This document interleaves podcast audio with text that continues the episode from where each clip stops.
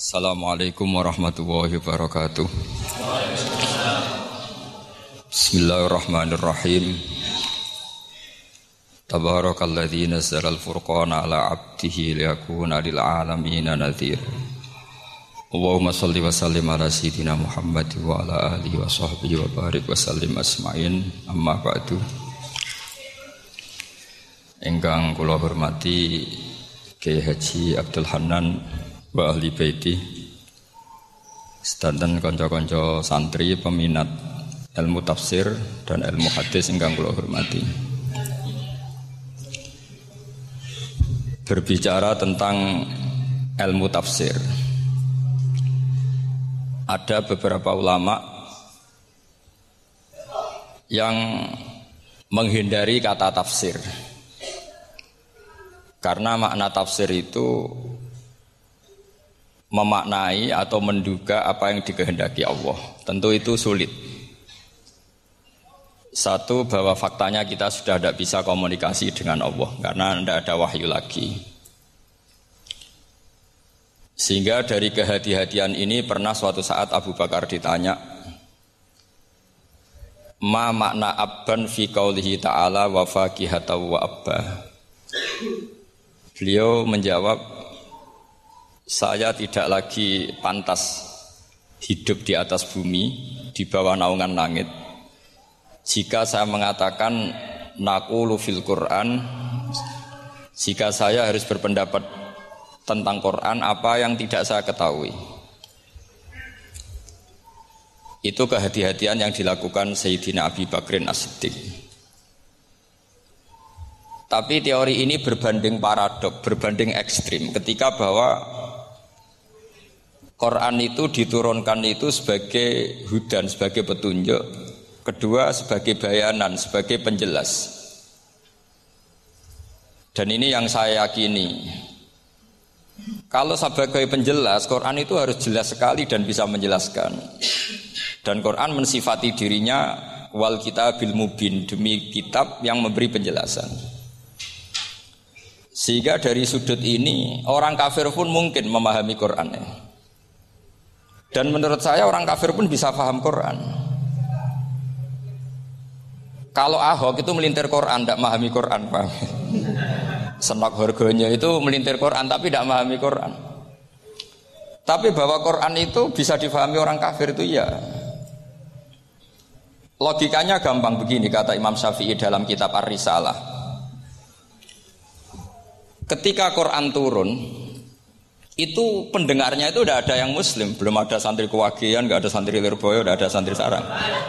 Pendengarnya itu non muslim Nah ini sampai nangen-nangen ketika Quran turun tuh pendengarnya muslim atau non muslim non muslim Andai kan Quran itu turun tidak difahami orang kafir maka lalu objeknya siapa? Sasarannya siapa Nah sebab itu akan aneh kalau kita yang mondok, misalnya ngaji etkon, ngaji alfiyah, ngaji ulumul Quran, apa saja. Kemudian Anda tidak paham Quran. Padahal orang kafir saja bisa paham. Nah ini tantangan bagi kita. Sing kafir wes so paham Quran, masa kita santri tidak tidak paham Quran. Makanya begini, di antara awal-awal periode Makkiyah ada surat disebut kuliah ayuhal kafirun. Katakan Muhammad ya ayuhal kafirun. Karena mukhotobnya atau lawan dialeknya Nabi adalah orang-orang apa? Kafir. Mereka paham ketika dijelaskan Quran paham. Dan sebagian mereka menjadi mukmin karena paham. Itu termasuk isi makalah yang saya utarakan di sini. Mereka tanya, "Ya Muhammad, siflana robbak amin dahabin amin nuhasin amin hajarin." Karena orang kafir jahiliyah itu punya tren yang namanya Tuhan itu fisik. Mereka punya lata, punya uzza, punya hubal. Sehingga kalau Tuhan-Tuhan kita ini dari batu Muhammad, katanya Anda punya Tuhan yang berbeda. Lalu Tuhan Anda ini dari emas atau dari perak. Turunlah ayat Qul huwallahu ahad Allahus somad. Lagi-lagi mukhotabnya adalah orang kafir. Makanya ini juga akhirnya jadi ilmu madhab, ilmu tentang firqah-firqah dalam Islam. Bahwa kesalahan terbesar orang Khawarij sebagaimana yang dikutip Imam Bukhari. Nanti sama cari di juz 4 atau di juz 3 pokoknya di bab babu kita lil Khawarij karena Imam Bukhari punya adat diulang-ulang. Kata Ibnu Umar yang dikutip Imam Bukhari, Innahum intolaku ila ayatin nazalat fil kufar faja'aluha alal mu'minin. Orang-orang khawarid atau kalau sekarang orang-orang radikalisme itu meneliti Quran. Kemudian ketika ada kriteria manusia-manusia tertentu itu dianggap itu kenanya orang Islam, korbannya orang Islam. Padahal awal mula ayat ini turun untuk orang kafir atau kritikan pada orang kafir. Ini cilaka betul. Karena logikanya seperti yang dikatakan Imam Syafi'i, ketika Quran, Quran turun, ini nggak ada orang Islam, yang ada orang kafir. Jika mukhotobnya adalah orang kafir. Tapi ayat-ayat ini nanti dipakai khawarid untuk mengkonter orang Islam.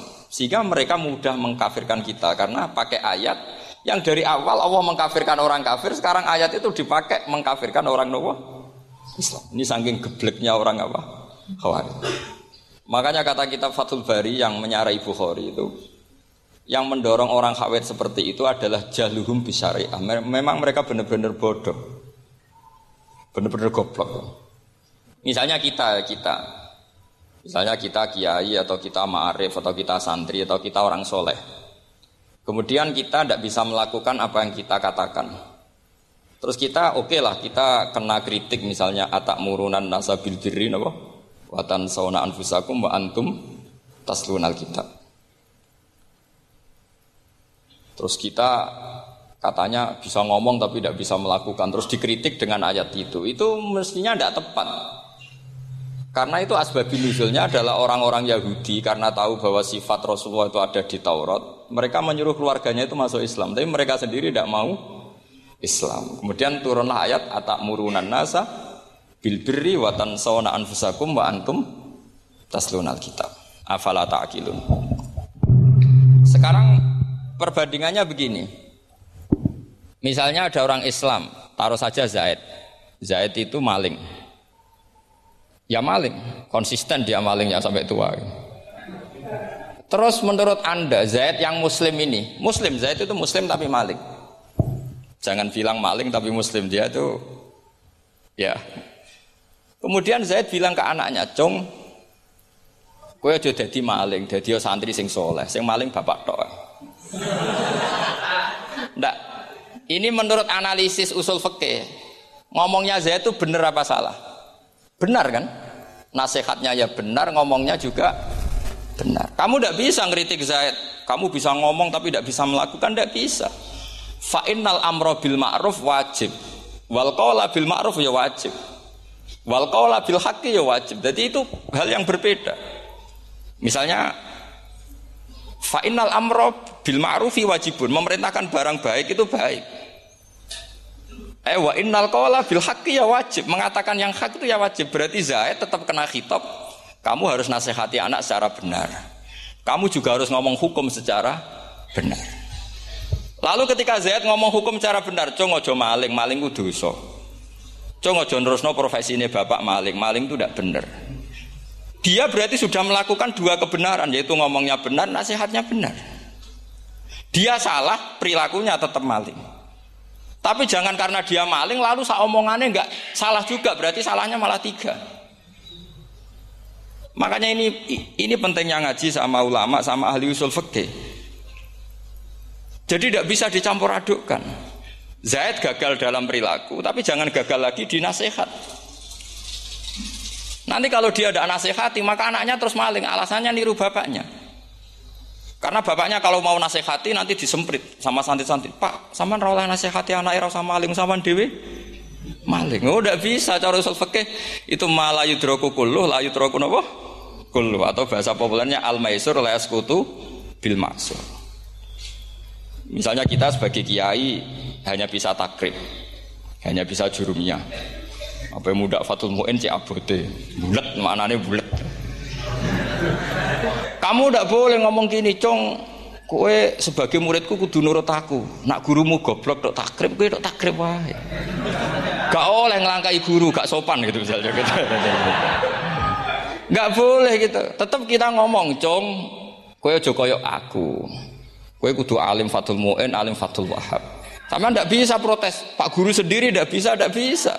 Kebenaran tetap sebagai kebenaran. Meskipun kita tidak kuat melakukan atau tidak bisa melakukan. Lagi-lagi ayat itu sebenarnya ada untuk kita. Untuk orang Yahudi, ya tak murunan nasa bil birri wa tansawna anfusakum wa antum taslunal kitab. Sebab itu istidlal dengan Quran itu memang resikonya tinggi kalau tidak bagi mutabakhir karena ya itu tadi.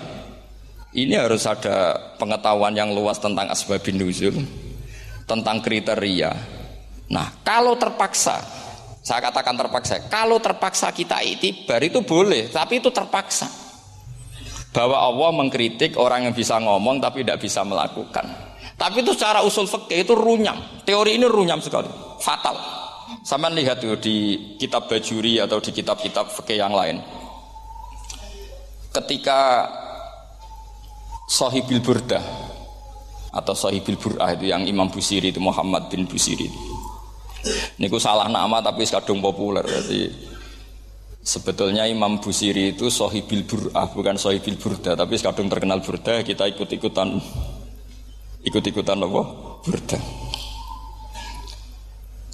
Imam Busiri itu ngeluh, saya ini orang yang banyak kesalahan. Di antara salah saya adalah saya bisa ngomong tapi tidak bisa melakukan. Yaitu saya ngomong misalnya orang supaya tahajud, saya tidak tahajud. Saya ngomong orang supaya sholat sunat, saya nggak pernah sholat sunat. Itu sarahnya itu yang menyarai itu kan Imam Bajuri itu yang sarah burda. Itu mengkritik begini. Kalau Anda ngendikan itu fi ma'radidam min nafsi, yaitu dalam konteks Anda mengkritik diri sendiri oke. Okay. Tapi omongan Anda salah. Karena secara usul fikih fatal. Fatalnya begini. Misalnya saya nggak pernah tahajud. Ya mungkin itu nyata. Oke, mungkin itu nyata. Apakah kemudian saya tidak boleh mengatakan at-tahajjudu sunnatun? Apa saya diwajibkan diam hanya karena saya tidak pernah tahajud terus saya seorang kiai yang haram mengatakan at-tahajud sunnah. Saya harus tetap mengatakan kalau tahajud itu sunnah. Saya kalau punya santri terus saya bilang, "Cung, napas nganggur yuk, tahajud. Tahajud itu sunat." Karena mengatakan kebaikan pasti bagian dari kebaikan itu sendiri. Makanya kata Imam Bajuri, fakih fayakunul amru bil ma'rufi mazmuman. Bagaimana mungkin sesuatu yang jelas baik karena memerintahkan kebaikan mazmuman menjadi sesuatu yang tercela hanya karena yang mengatakan tidak melakukan. Fa innal fi'la ya amrun wal hukmu ya amrun akhar. Itu beda. Jangan karena Anda tidak minum teh karena diabetes. Terus Anda kalau ada tamu tidak disuguhi teh. Karena saya sendiri tidak minum teh. Wah ya repot kalau gitu. Nah, itu lagi-lagi tadi orang khawarid salah ketika mengartikan ayat yang harusnya objek kritiknya itu orang kafir. Kemudian karena Quran lama sekali dibaca orang Islam sampai orang itu lupa kalau Quran awalnya turun di antaranya adalah membenahi akidahnya orang kafir. Sehingga korbannya orang Islam. Itu mirip seperti cerita kita ya. Santri-santri itu kalau punya musuh itu baca hizib nasor Dulu pengarang Hizib Nasor itu musuhnya orang fasik sehingga dihizib. Santri ora musuh wong fasik, duwene kancane dhewe. Akhirnya kancane yang kena hizib. Nah ini penting saya aturkan ya sama seperti itu. Lama sekali Quran itu hanya dibaca orang Islam dan komunitasnya Muslim. Sehingga seakan-akan semua kritikan Quran itu pada orang nopo Islam. Padahal jelas Quran ada kuliah ayuhal kafirun. Jelas mukhotobnya orang kafir. Sada kata lakum dinukum waliyadin. Nah ini penting kalau aturakan. Makanya kalau melihat itu, Quran jelas bisa difahami orang kafir. Bahkan banyak orang kafir yang menjadi muslim karena faham maknanya apa? Faham maknanya Quran. Itu jelas sekali. Itu masyur sekali dialeknya Nabi dengan Walid bin Muhiro, dengan Utbah, dengan banyak sekali termasuk dengan Abu Jahal, dengan Abu Lahab. Bahkan orang-orang kafir Quraisy itu menyewa namanya Musailama Al-Kadzab. Kalau di sini umumnya baca Musailama apa Musailimah? trennya di sini. Pakai fathah ya. Oh, itu entah ya nggak tahu saya yang masalah yang mana itu kan karena memang kalau dalam ilmu riwayat itu sekali salah baca itu kasus betul kayak Said bin Musayyab atau Said bin Musayyib itu ketika beliau sugeng itu kalau dipanggil Said bin Musayyab itu marah besar karena mana nih Said al Musayyab itu yang ditawan. Makanya beliau bilang saya batni Irak wa anal Musayyib. Orang Irak mengatakan saya ini ditawan. Sebenarnya saya yang menawan mereka. Tapi al masyur itu dibaca Said bin Musayyab. Padahal dia tidak mau dipanggil Said bin Musayyab. Said Said bin Musayyab. Karena Nama ini penting. Pentingnya begini. Ini kata Rasulullah kalau sedang guyon, kata Nabi, "Mbok kamu itu sekali-kali mikir, kenapa saya ini diberi nama Allah Muhammad?" katanya. Ini hadis sahih di Bukhari ada di Kitabul Adab. Banyak lah tag ini. Kenapa ya Rasulullah? Allah itu senang bingung nawang kafir kata Rasulullah. Karena karena Abu Jahal kalau manggil saya jadi bingung. Itu kalau orang Arab kan pasti tahu maknanya. Muhammad maknanya orang yang terpuji. Sehingga kalau Abu Lahab ngomong itu jadi paradok. Hei orang yang terpuji, kamu bohong. Kan jadi aneh.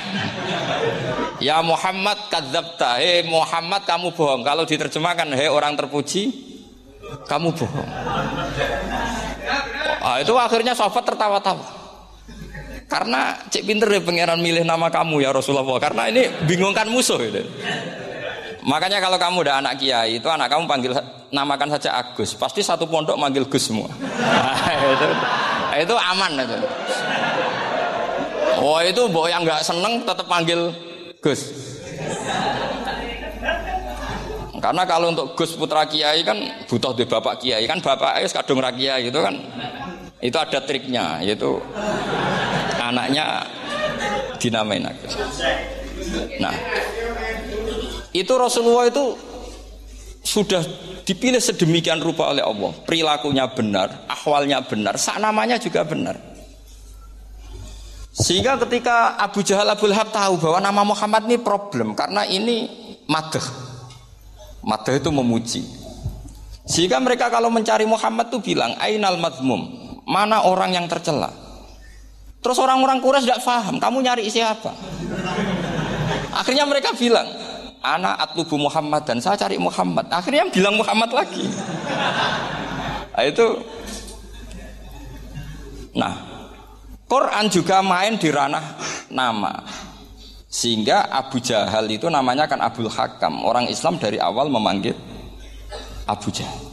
Karena kalau sampai kita manggil Abul Hakam, kita akan mengalami paradok ya Abul Hakam, hei bapak dari semua kebijakan, kamu begini kan kacau.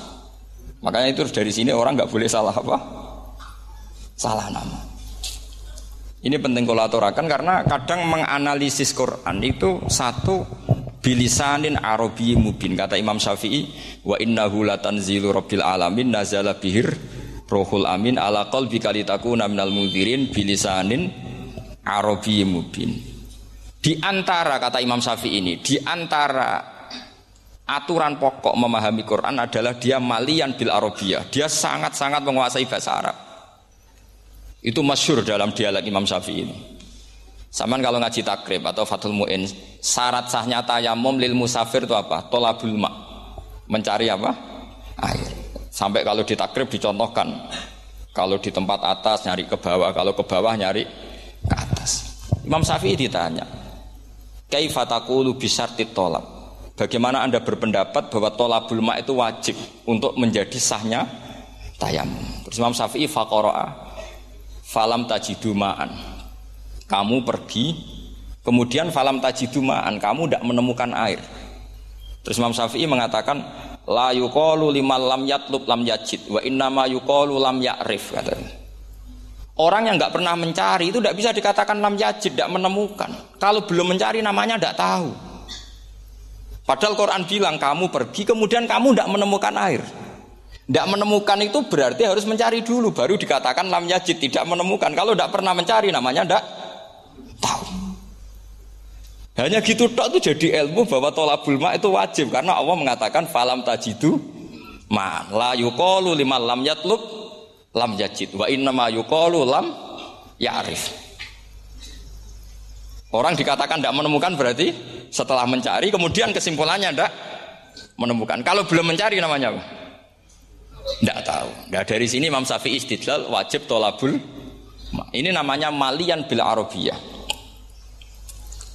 Dia menguasai bahasa Arab. Begitu juga ulama-ulama sufi. Itu ada cerita Aba Yazid Al-Bustami itu ada muridnya baca ayat wasiqal ladzina taqaw rabbahum ilal jannati sumara. Orang-orang takwa itu digiring, digiring menuju surga. Itu dia nangis. Muridnya kaget. Ini guru saya tidak benar ini ada cerita surga, tapi dia malah nangis karena ayatnya itu digiring.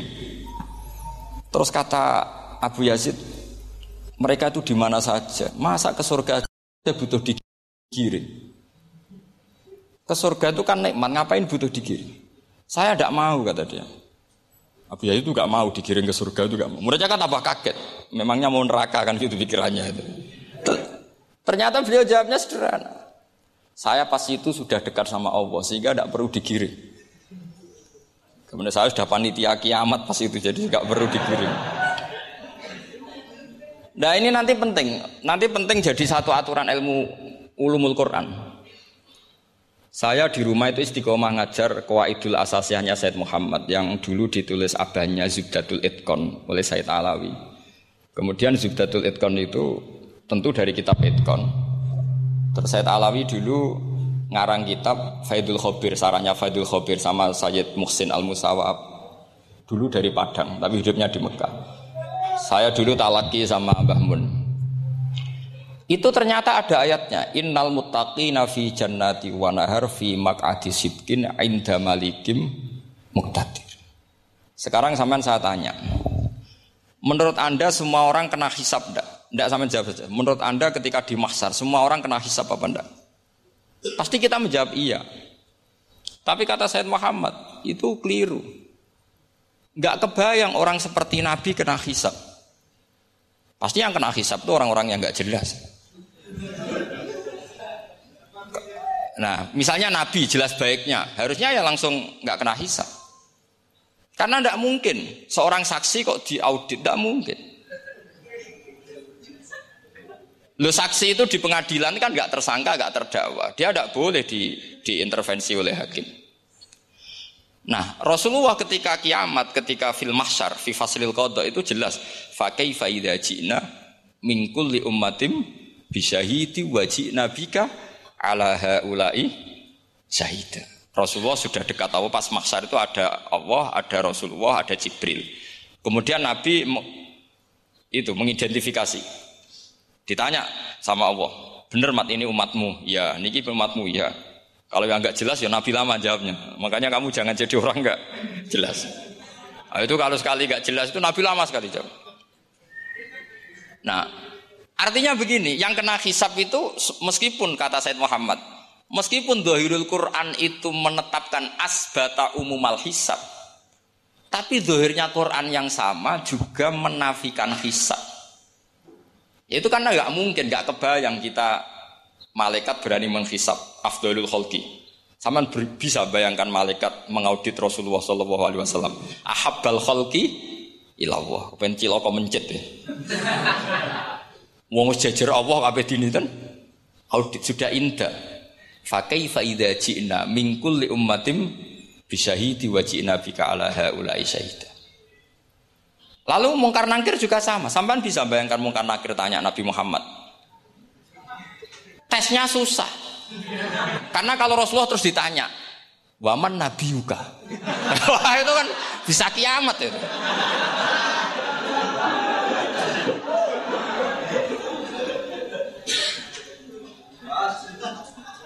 Faham ya? Makanya kata Said Muhammad, ini kan teman-teman tanya, biar caranya alim tafsirnya saja, sarannya satu apal Quran, dua apal Sahih Muslim, tiga semua orang sudah mati, tinggal kamu yang alim. Nah, itu, oh itu mesti aman itu. Nah kalau sampean tanya saya, apa buktinya Gus kalau orang tertentu tidak kena hisab? Ya buktinya tadi misalnya innalladzina qalu rabbuna wahu summas taqamu tatanazzalu alaihimul malaikatu alla takhafu wala tahzanu wa absyiru Mungkar nakir adalah malaikat penakut, membawa ketakutan. Sementara para wali ini jelas malaikat kena konstitusi. Malaikat harus mengatakan ke para wali Allah takhofu walatasan. Padahal Nabi tentu Sayyidul Au. Para wali saja malaikat kena aturan kamu harus bilang Allah takhofu walatasan wa absiru. Hei para wali kamu jangan susah, jangan gentar, kamu harus gembira. Kamu bisa bayangkan misalnya mungkar nakir bawa godok atau orang kalau dipukul ajul sak walang-walang. Kemudian kamu bayangkan si Abdul Qadir ngalami itu, Abdul Hasan Asadali ngalami itu, Abu Yazid Al Bustami. Kalau itu ngalami gitu semua ngapain kita jadikan mursid? Kan sama nasibnya dengan kita. Nah, Zohirul Quran mengatakan asbatal hisabah. Tapi zahirul Quran di ayat yang lain lam yusbit al hisabah. Makanya tadi umumul Quran juga ditaksis dengan muqayyid. Yang mutlak ditaksis dengan yang muqayyad. Yang mujmal ya sama seperti itu aturannya seperti itu ditafsir sama yang mufassal. Sama orang kafir yang jelas sampean bisa bayangkan malaikat ngaudit Fir'aun. Cek kurang penggawean nih. Jelas eleke kok di audit. Misalnya Abu Lahab di audit, oh malaikatnya celoko mencet. Berarti dia agak percaya sama pernyataan Tuhan tabat yada Abi Lahab. Malaikat kok ngaudit Abu Lahab. Mungkin Gusti kula cek. Nak meneh wonten api. Lho ki ora tau ngaji Quran tapi wong tabat yada kok cek di cek.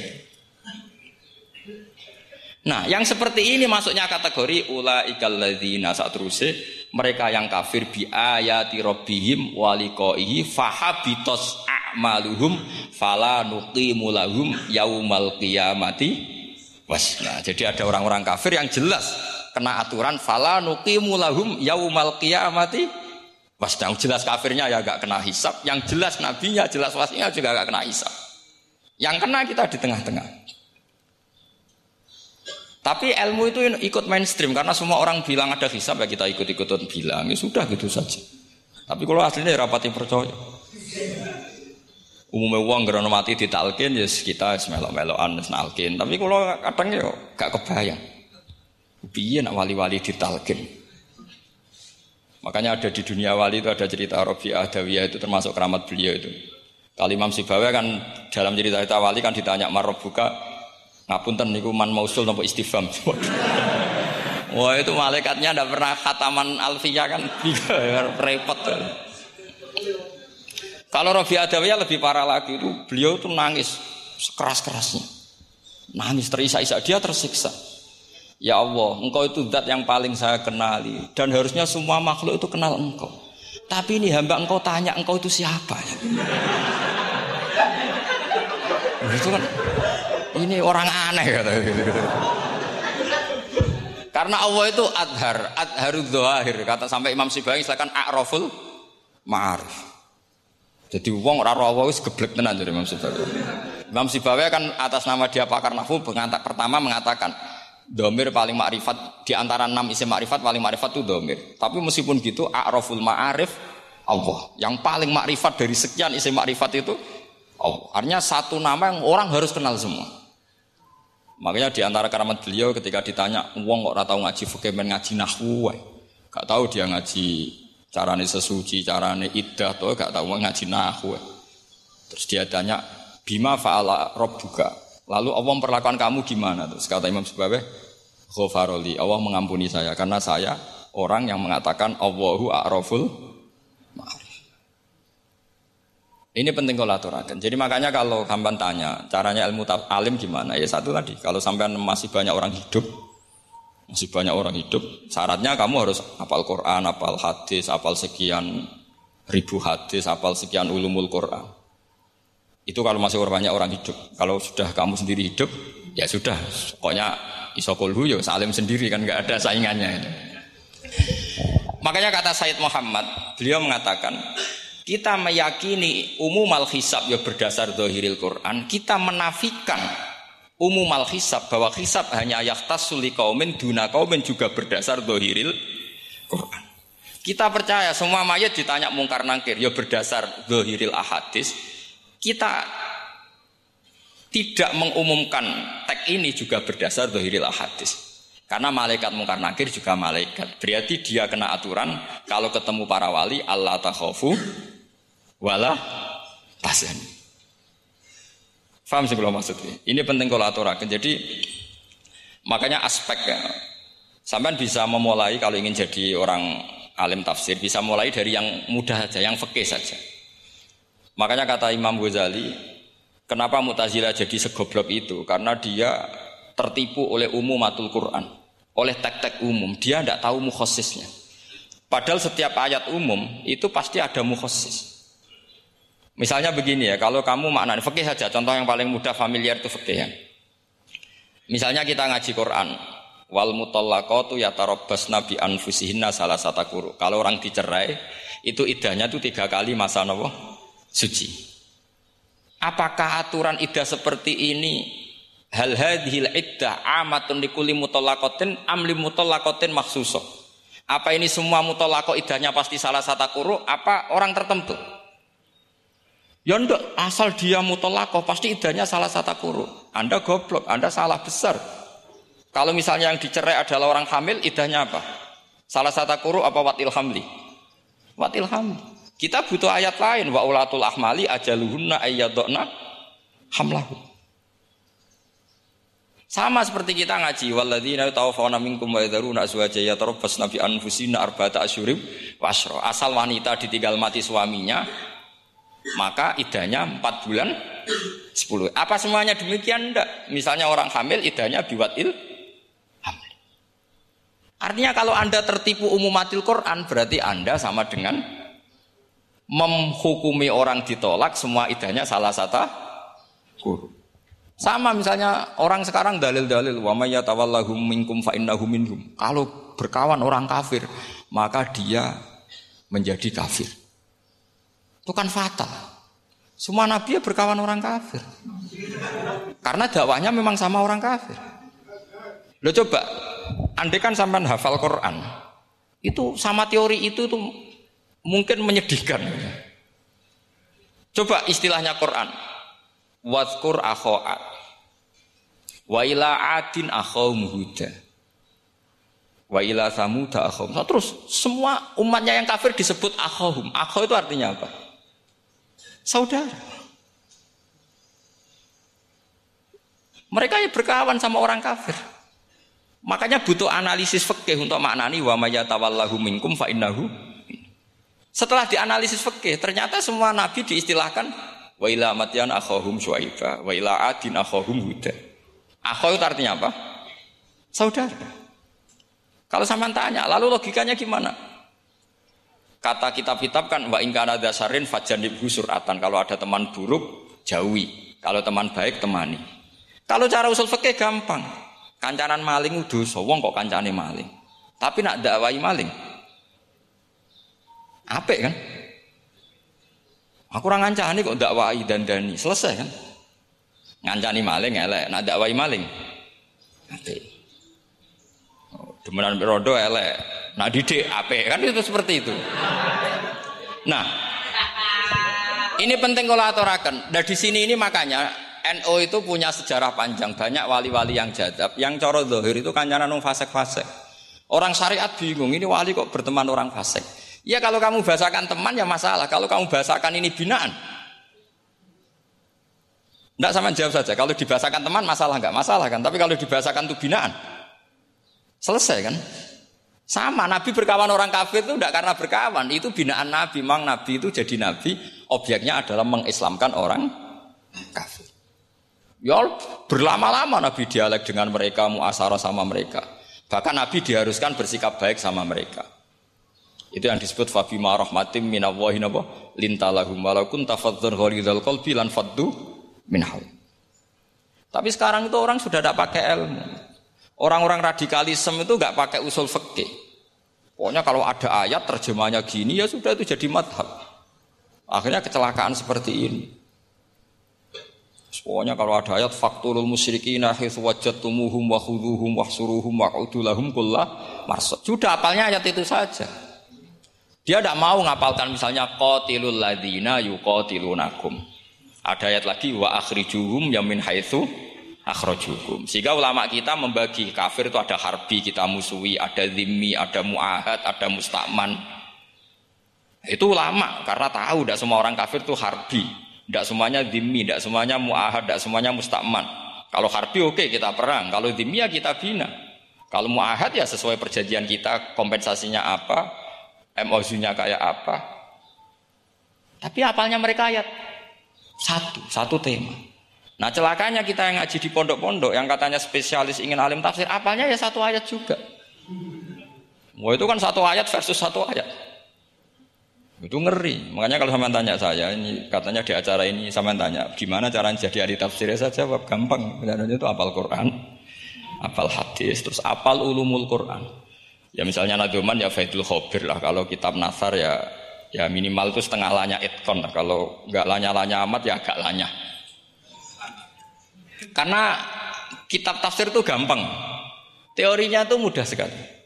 Misalnya al ibratu bi umumil lafzi la bi khususis sabab. Itu sama dengan kayak kayak kayak kaidah fikih. Karena kalau kaidah fikih itu saya itu pernah dibisui kiai itu. Ini kisah nyata itu. Dibisui kiai itu pas basul masail dulu saya itu uh, masih sering mau fasil masail. Ini pun pensiun pun buatan pun. Dulu saya dengan Gus Zofur putrane Bamun itu sering makili Pondok Anwar fasil masail fikih. Tapi tidak tahu ceritanya Gus Zofur jadi dokter tafsir, saya juga kok ya tahu-tahu menekuni tafsir. Lama-lama orang itu lupa status saya yang fakih ya. Makanya saya itu ya kadang eman gitu karena ini status penting juga. Tapi status fikih itu kadang memang menyesatkan.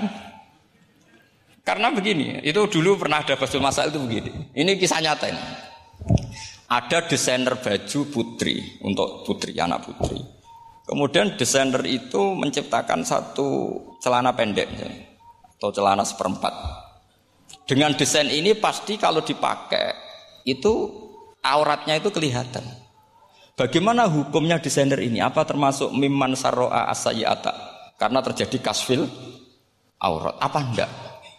Rata-rata kalau kiai yang khusus-khusus yang sepuh-sepuh desainer itu so gara-gara tren pakaian ini mau itu buka aurat. Tapi saat kiai-kiai alim yang muda-muda entah entah saking belingnya, entah saking pinternya tidak tahu. Bilang begini, Pak Yai, yang didesain apa? Ya celana itu. Lalu celana itu fungsinya nutupi apa buka aurat? Ya nutupi. Lu kan lumayan urun nutupi.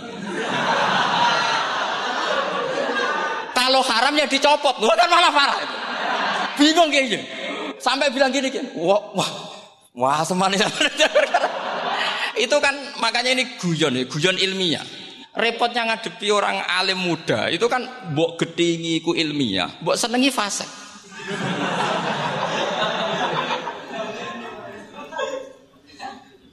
Ketika kiai yang khusyuk tadi tak tanya, kalau desainer katok seperapat,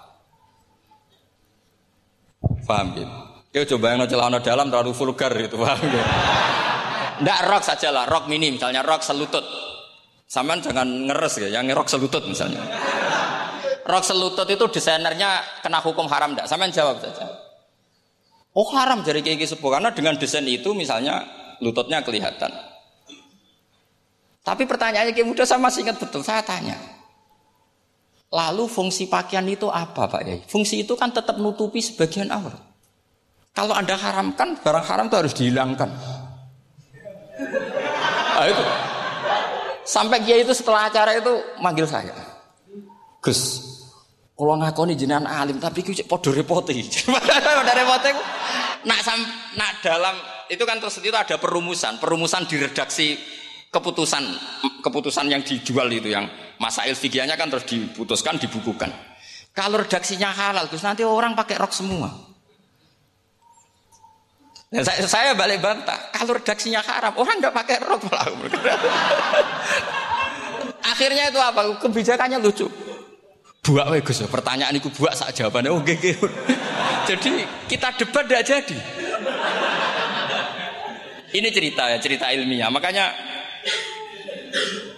Makanya sama tidak wajib manut saya. Saya ini terlalu ilmiah, jadi tidak baik untuk untuk kehidupan kesalian kurang baik. Jadi ini, tapi ini ilmu. Tetap kaidahnya fakih malah yudroku layu terkukul. Jangan kalau tidak bisa nutupi aurat semua, lalu jangan sama sekali. Lunggi kan kaidahnya kan gitu, malayu terkukul layu terkukul. Misalnya Anda punya tetangga, nggak mau pakai jilbab, nggak mau pakai pakaian muslimah. Kamu tidak boleh, munisan raklambinan tidak bisa.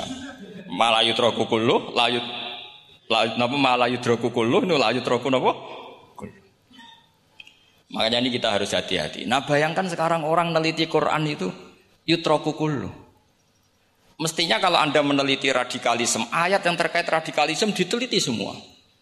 Ternyata di surat Taubat yang disebut suratus sef yang bahkan haram baca bismillah, itu ada ayat wa in ahadum minal musyriki nastajaroka fa'ajirhu hatta yasma'a kalam Allah summa ablighu makmana Muhammad kalau ada orang kafir mau belajar Quran sama kamu ya harus kamu pelajari hatta yasma'a kalam Allah. Setelah mereka mau belajar ya ablihu makmana, semua ablihu makmana. Kamu harus menjamin keamanan dia. Itu di surat Taubat, termasuk akhir suratin nazalat, gak mungkin terjadi mansuh. Tapi orang-orang ekstremis selalu pakai faqatulul musyrikin haitsu apalan itu terus. Yang orang liberal yang menapani la ikroha fiddin. Ya sudah seperti itu. Sing orang-orang ora tegas ora tau nahi mungkar, ya ma arsalna ka ila rahmatal lil alamin. Ngono terus. Yang kelompok tukang nahi mungkar ya ayatnya amen nahi Saya tuh heran, kenapa mereka punya masalah dengan hafalan kayaknya. Kenapa sih? Apalannya kok pedot, pedot, pedot, pedot itu? Kita yang hafal semua bingung jadi. Jadi akhirnya kita yang pinter anut sing goblok karena saya tuh pernah loh debat sama orang salah, debat-debat gitu. Setelah saya mengutarakan sekian hadis, ada tuh Pak hadis itu, waduh, Harusnya kamu ngaji saya, ada debat-debat tuh yang level. Kalau nggak level tuh nggak boleh kata itu. Oh, itu kan ngeri. Makanya ini penting ya kalau sampean tanya ingin jadi alim tafsir ya harus hafal Quran semua. Kalau tidak mungkin yang nunggu orang semua mati baru anda jadi ahli tafsir. Karena tidak ada musuhnya. Tapi saya pastikan orang kafir pun bisa memahami Quran. Yaitu tadi hatta yasma'ah kalam Allah. Sayyidina Umar itu masuk Islam itu gara-gara dengar adiknya baca Toha.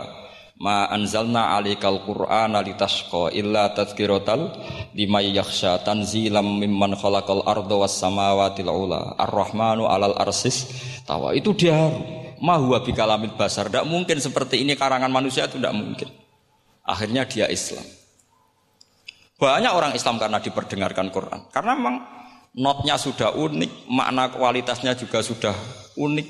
Semuanya itu unik, indah. Sampai sekarang pun orang kafir itu orang paling tahu Quran.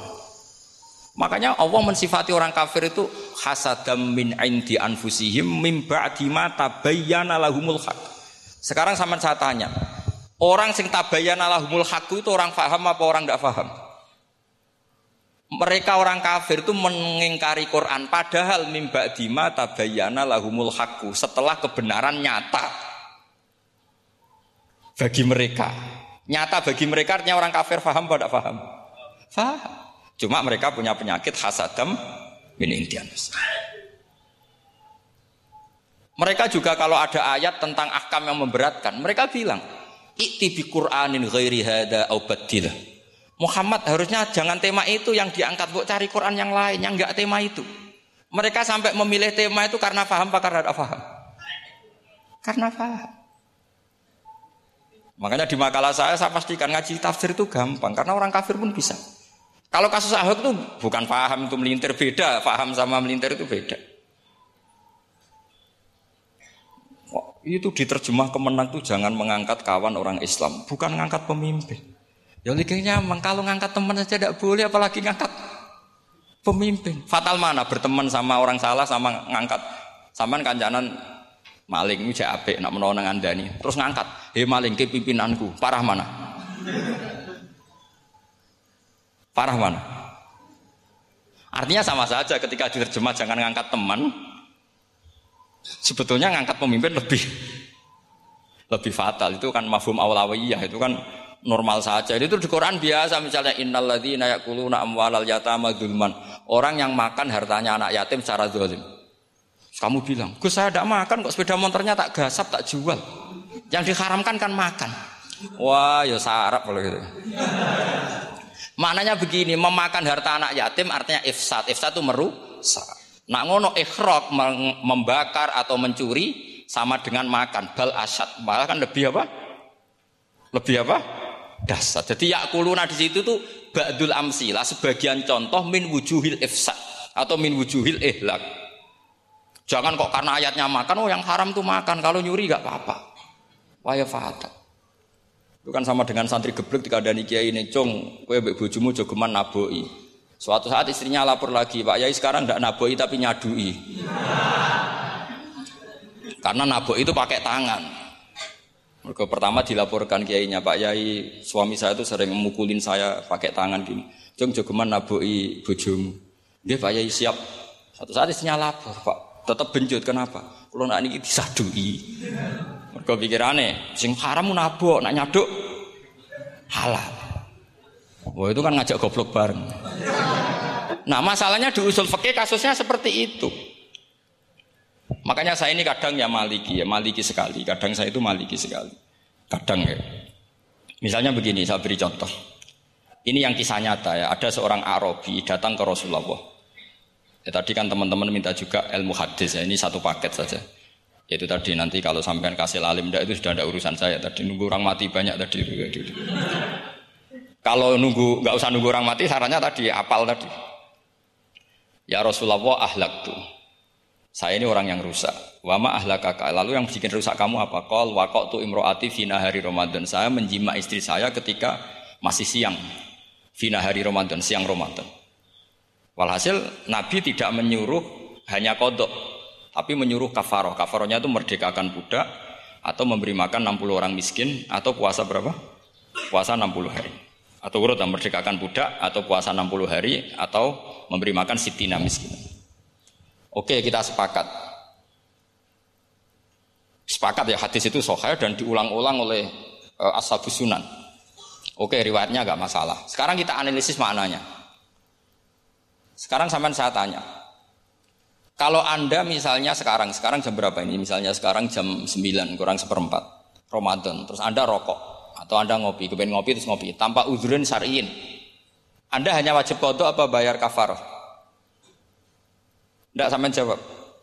Rata-rata kiai kita, oh mau wajib kodok Gus karena gak jima. Sing seru kafaroh itu nak jima. Kan ngombe kopi be jima beda. Pertanyaannya tuh lucu, ini naif secara fikih masalah. Masalahnya begini. Jima bojo itu tidak zina. Jima bojo itu zina apa enggak? Enggak Berarti dengan makan bedanya apa? Sama kan? Sama-sama amrun mubah. Sesuatu yang bu boleh. Kenapa hukumannya berat? Makanya kata Imam Malik, Ndak itu nilainya. Nilainya adalah hadku hurmati Ramadan bi ghairi udhrin syar'iyyin. Makanya kata Imam Malik, siapa pun yang makan fina hari Ramadan, iftar apa pun fina hari Ramadan bi ghairi udhrin syar'iyyin, maka hukumnya sama dengan jima fina hari Ramadan. Karena sama-sama ihlak ifsad hurmata Ramadan bi ghairi udhrin syar'iyyin. Loh enggak ini ini ilmiah. Kamu udah harus cocok, tapi kamu otak kamu harus percaya. Loh iya kan beda kan. Saya secara nafsu tidak cocok, cek berarti. Tapi ilmiah saya setuju. Kalau kiai ngandani itu kan pasti pakai badul amsilah, kan nggak mungkin semua contoh disebut. Cong penak Kowe nak mlaku-mlaku aja geman delok wong wedok, wong wedok iku mari setan. Mboten delok, Mbah, nyekel. Lho malah parah to. Tidak bisa. Makanya ini masalahnya lafat. Ini kembali ke Imam Syafi'i bilisanin arabiyyim mubin. Ketika seorang kiai bilang, "Cung jogeman delok cawe itu," adalah mengungkapkan al-muharramat. Bukan mentaksis yang haram itu hanya meli Saya ulang lagi ya, ketika seorang kiai bilang cung jogeman delok wedok sing haram, itu semangatnya adalah melawan keharaman, bukan mentaksis yang haram hanya del delok. Itu di Quran normal semua, di semua lugat ya biasa. Itu kan sama seperti misalnya seorang bang ngasih uang cucunya, cung tak kayak satu sewu, eh cung gue tuku es. Terus kue mendingan. Nak ragu tuku es haram iki kan ngongkone tuku es. Lah kepen putumu mati kan nyeben satu sewu gue tuku es. ya mulai dulu istilahnya nak bange ke ibu tuh jong satu sewu gue tuku es. Cara wong kuno. Maksudnya gue pokoknya umumnya cak cilik senane es cuma nyebut. Ya sudah seperti itu. Sama seperti Quran menghentikan begini. Ini yang ini memang salate yang fakih dulu yang pokok-pokok. Di antara yang enggak boleh dikawin adalah wa antasma'u binal ukhtaini illa ma qad salah. Kamu tidak boleh menikahi Sri dan Zainab kakak beradik. Sudah sepakat ya? Fini kakin wahid nggak boleh al jam'u binal ukhtain. Jadi mbaknya kamu kawin, adiknya kamu kawin, fini kakin wahid. Tapi nak ngeduni boleh, berarti kan dengan waktu yang berbeda. Quran hanya menyebut itu. Kemudian Rasulullah zaman Sugeng itu hanya nambahi wala binal mar'ati wa ammatiha wala binal mar'ati wa kholatiha. Juga agak boleh menikahi ponaan plus buliknya. Baik bulik dari bapak yaitu ammah maupun bulik dari ibu disebut apa? Kholah. Kemudian ulama fikih merasa ada yang kurang ditambahi lagi. Dua perempuan yang andekan yang satu itu lelaki kok haram nikah berarti haram jampu finekahin wahid. Misalnya cucu rabibahnya boleh enggak? Enggak boleh kan? Berarti kalau sampai ngumpulkan cucu dan bahnya finikahin wahid juga ada. Ya. Tapi orang yang waras itu tidak akan nyalahkan Quran ketika tidak lengkap. Wa antas mau binal uktain ila makotsal ini tidak lengkap. Yang haram kan tidak hanya jamu binal uktain. Termasuk ngumpulkan cucu dan banyak. Karena Quran nggak mau dengan logika tidak waras itu tidak mau. Taruh saja orang itu rata-rata mbahnya kan umur 70 tahun. Cucunya umur 17 tahun. Kebayang nggak kamu nikahi sehingga adik kan boleh bareng, pasti kamu milih bareng.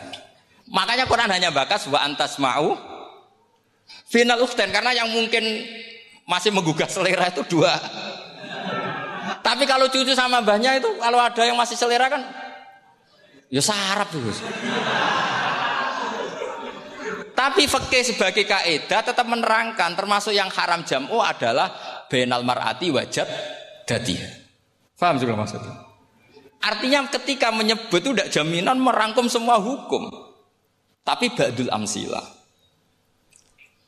Fa'inal akil, fa'inal akila yaktafiya bi isyarotil ba'di. Karena orang kalau punya akal, di isyaroi sebagian sudah faham.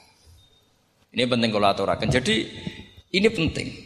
Nah bayangkan sekarang banyak gerakan-gerakan ahli Quran katanya tapi tapi nggak memahami ilmu usul fikih. Quran rano ya wis. Neng Quran rano cerita harame asu, nak ngono asu ya halal. Ora ono Qurane. Sing ra ono iku tekem ora Qurane kok aneh-aneh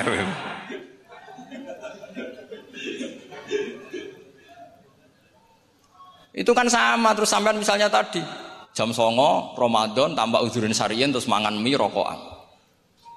Itu kan melecehkan Ramadan biguri uzurin sarian. Karena melecehkan hormata Ramadan kena sanksi separah itu.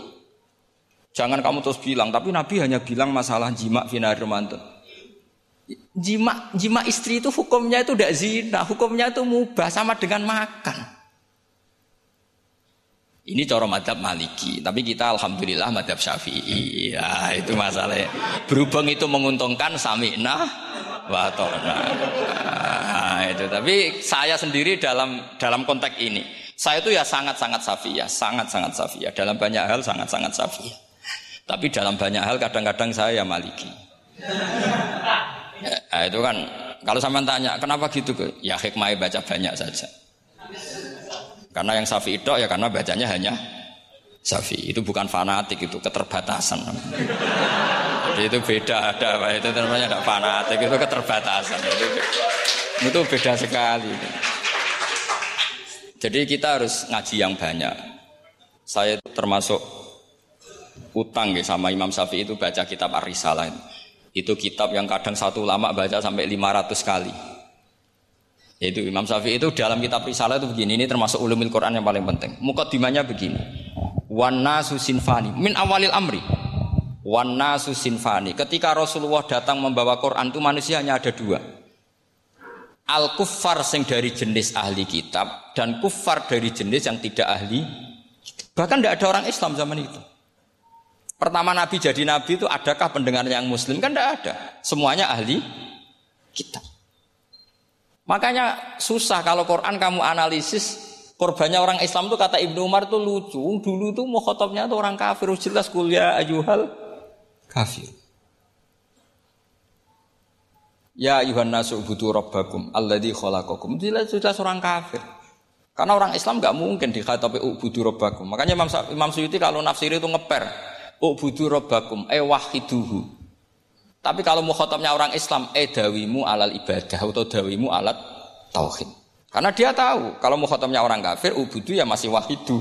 Kalau sudah Islam kok dikhitabi ubudu e mudawamah alal ibadah. Itu saking alimnya Imam Suyuti. Ini saya teruskan.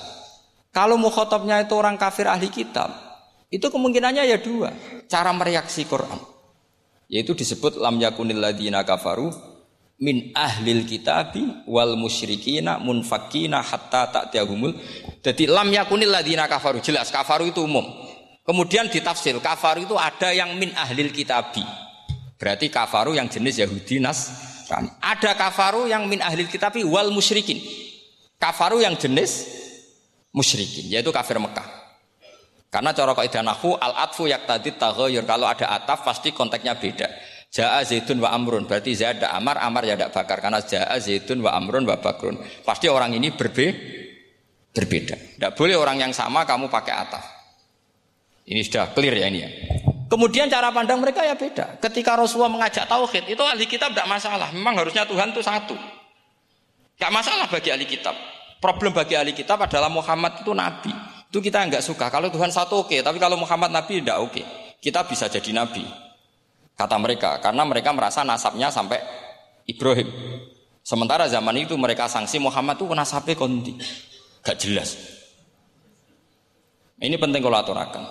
Sehingga dalam konteks ini Allah menjawab ahli kitab dulu. Ini disebut Muhammad itu nasabnya jelas. Jadi ku fihi ayatum bayinatum maqamu Ibrahim. Ini saya dengarin. Ibrahim itu jelas pernah ke Mekah. Bukti Ibrahim pernah ke Mekah adalah jejak kaki Ibrahim di makam apa?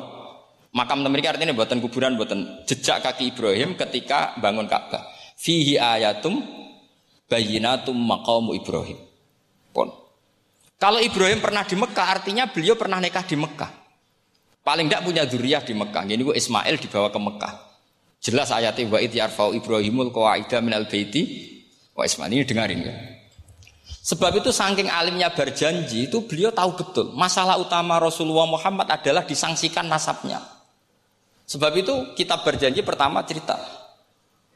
Setelah dia alhamdulillah macam-macam awal manab tadi saat terusnya terus dia bilang wa ba'du fa'akul huwa Muhammad bin Abdullah bin Abdul Muttalib. Saat terus ya wabah dua wa Muhammad bin Abdullah bin Abdul Muttalib wasmu Syaibatul Hamdi Humitat Fisaluhus saniyah saat terus Ibnu Kusoyin saat terus Sumiyah bi Kusoyin litakosi fi biladi kudo atal kosia. Karena dia tahu yang masalah bagi Rasulullah itu adalah masalah nasab bagi mereka loh bagi mereka yang kafir. Terus beliau ngendikan ditutup wa adnanu bila bin indadawil ulumin nasabiyah ila dabihi Ismail nisbatuhu wamun. Jelas saya Adnan itu pasti puter cucu-cucunya Nabi Ismail. Karena orang Yahudi yang di soal Muhammad itu, kamu itu siapa? Kok tahu-tahu Nabi? Yang kamu orang Arab. Orang Arab itu tidak pernah ada Nabi. Yang Nabi itu normalnya orang Israel. Itu turunan Yahudi. Karena Yahuda bin Yakub bin Ishak bin Ibrahim.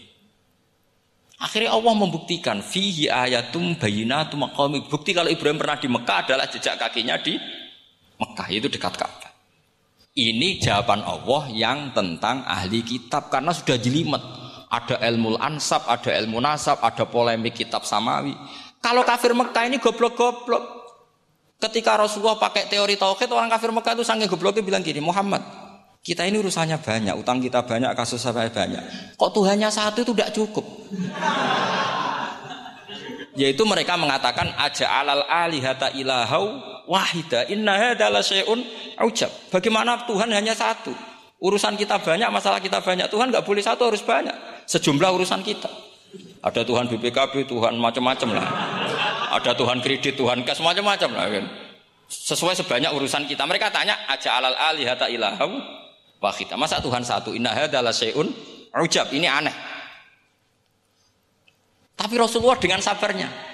Kalau yang seperti ini Allah menjelaskannya beda dengan yang pertama karena tadi orang kafir itu bisa min ahli kitab, bisa wal musyrikin. Lam yakunil ladzina kafaru min ahli kitab. Ada yang wal musyrikin. Semuanya ini tidak pernah munfakina hatta ta'tiyahumul bayina. Mereka tidak pernah tercerabut dari pikiran mereka, dari mainstream mereka, sampai ada bayina. Bayina itu kejelasan kebenaran atau benar yang begitu jelas. Itu siapa? Rasulullah minallah yatslu suhufam mutah. Akhirnya Nabi sabar.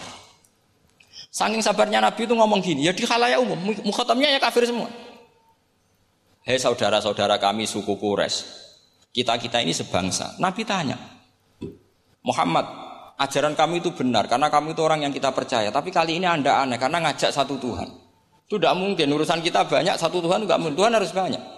Kita punya tiga aja kurang banyak kan banyak punya lata, uzza, ubal. Ya.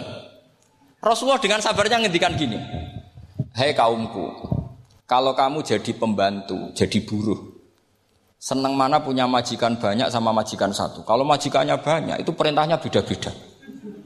Seleranya, semua harus kamu lakoni, semua harus kamu taklui karena kamu harus nurut. Wah ya repot mat kalau di majikan banyak. Oh ngerepoti mesti. Rasulullah tinggal nimpali. Tuhan kamu itu majikan kamu. Kalau Tuhannya banyak, perintahnya ya banyak. Seleranya beda-beda. Kamu bingung nggak? Wah ya bingung. Ya udahlah mat satu aja. Akhirnya mereka masuk Islam. Nah itu disebut Nabi itu fatona, punya kecerdasan artikulatif. Kalau menjelaskan itu masuk akal. Nah itu disebut dorobawahu matalar rojulan fihi syuraka'u mutasyakisuna wa rojulan salamal lirojul hal yastiawiyani masalah alhamdulillah. Nah ini penting. Allah membuat satu perumpamaan bagaimana ada satu pembantu yang punya majikan banyak yang berbeda-beda seleranya, berbeda-beda perintahnya. Dengan kalau hanya satu majikan. Apakah sama? Mereka jawab, tidak sama, enak punya satu majikan. Begitulah Tuhan kamu, harusnya satu. Jadi artinya gini, kalau kamu ngaji ulumul Quran, kamu harus tahu ini kitab ke kafir. Kafir yang mana? Ahli kitab atau kafir yang musyrik? Nah, sekarang tidak tahu lagi, pokoknya kafir. Makanya kalau orang berdebat mereka itu tidak goblok menewat. Makanya sama tidak usah ketularan goblok sing pun gimpun sing goblok ora usah ditambahi mun kathah dan ini ini pun Ya karena kita ngaji nah, jelas Qur'annya kan lam yakunil ladina kafaru itu masih ada min lil bayaniyah atau min lil bayanil jinsi. Kafaru itu sopo siji min ahlil kitab, dua kafaru sing wal musyriki. Dua-duanya tidak pernah munfakina hatta ta'tiyahumul bayina. Mereka tidak akan tercerabut dari pikirannya sehingga ada bayina. Bayina itu siapa? Rasulun min Allah yatlu sufam. Nah, ketika Nabi menjelaskan asal usul nasabnya, bahwa Sayyid Adnan itu ilah Ismail, Ismail jelas putra Nabi Ibrahim. Mereka terus baru iman karena ada fihi ayatum bayinatum maqamun apa? Ibrahim. Ya jadi saya kira demikian nanti nanti kan akhirnya jam itu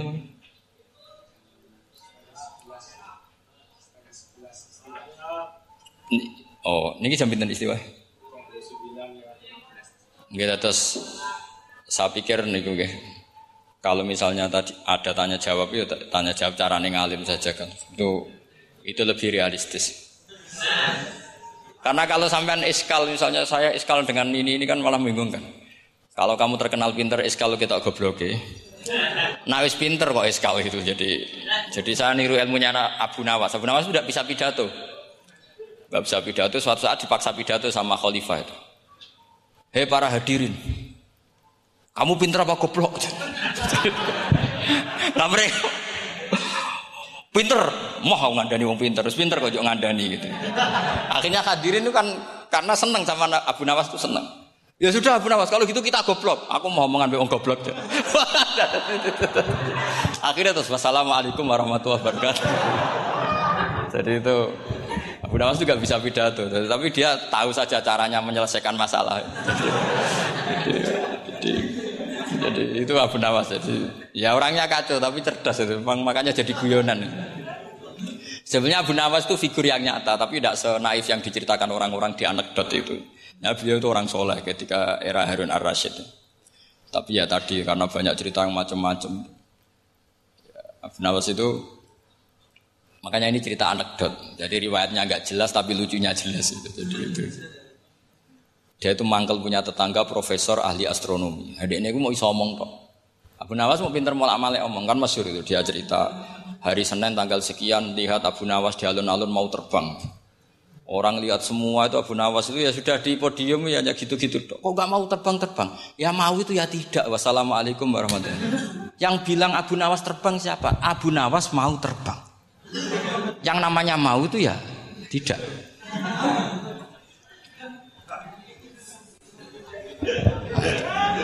Pernah dia itu lomba sama Harun Ar-Rasyid. Siapa paling banyak pengunjung rumahnya di alun-alun? Harun Rasid bikin khemah, dia bikin khemah. Tentu cerita ini bohong, yakini ini bohong. Makanya ini bohong tenang. Makanya ini anekdot hanya guyonan. Harun Rasid karena dia raja itu ada apel, ada makanan macam-macam. Ya tentu pengunjungnya banyak. Batas akhir itu penilaian jam 12 malam. Abu Nawas tenang, satu pun nggak ada pengunjung, nggak ada makanan, nggak ada apa. Pas jam 12 rumahnya dia, kemahnya dibakar. Orang ke dia semua. Tit menang dia karena jumlahnya Bahkan Harun Rasid itu datang ke kemahnya dia. Karena lombanya kan pengumpulan masa terbanyak tit jam 12. Harun Rasid pikirannya, santri ya sugoi jajan nggak mesti teko, pikirannya gitu. Abu Nawas pikirannya beda, eh, jenis kebakaran pasti datang. Wes dihitung biaya khemah sama hadiahnya banyak, banyak banyak hadiahnya. Yang ahli falak ini punya ilmu yang rasional, yang pinter sekali. Dia ilmuwan. Bahwa bumi itu bulat-bulat. Nah, saya lagi tren meyakini bumi flat ini ya kacau nih. Mau gara-gara penjelasan sing sepihak. Ini wong nganggur. Lah ilmuwan kok sentimennya perkara wedi duit. Enggak boleh ilmuwan menyebut sentimen apa? Uang. Akhir bumi itu bulat-bulat. Jadi kalau anda jalan ke timur terus nanti ke titik yang sama. Bu Nawas paham karena dia memang nggak nggak nggak nggak ahli sain gitu. Suatu saat si profesor ini kemalingan, malingnya melayu ngetan. Minta tolong sama Nawas, Bu Nawas kejarlah maling itu. Ke mana? Ke timur. Dia ngejar ke barat. Ditanya sama profesor. Ah, saya udah bilang larinya maling itu ke timur kalau kejar ke barat. Nanti ketemu di titik yang sama. Akhirnya profesor yang ngerti, oh ngenyek tuh. Jadi, nah khawatir saya nanti kalau santri-santri tidak pinter ilmu, terus pilihannya ilmu kayak Abu Nawas, jalan pintas tadi. Karena belajar falak jelimat, belajar faroid apa? Jelimat ada aul, ada roh, terus semua ada masalah yang ruwet-ruwet terus. Akhirnya mau olah bicara. Ini musibah inna lillahi wa inna ilaihi. Itu tidak boleh. Quran tidak mengajarkan itu. Quran tetap mengajarkan ilmu meskipun ada nilai seninya. Ya tadi nilai seni tadi misalnya Allah mencontohkan dorobawu masalah rojulan fihi syuraka. Terus kedua uniknya Quran itu begini. Setelah dipikir itu nyata-nyata lebih detail. Misalnya begini.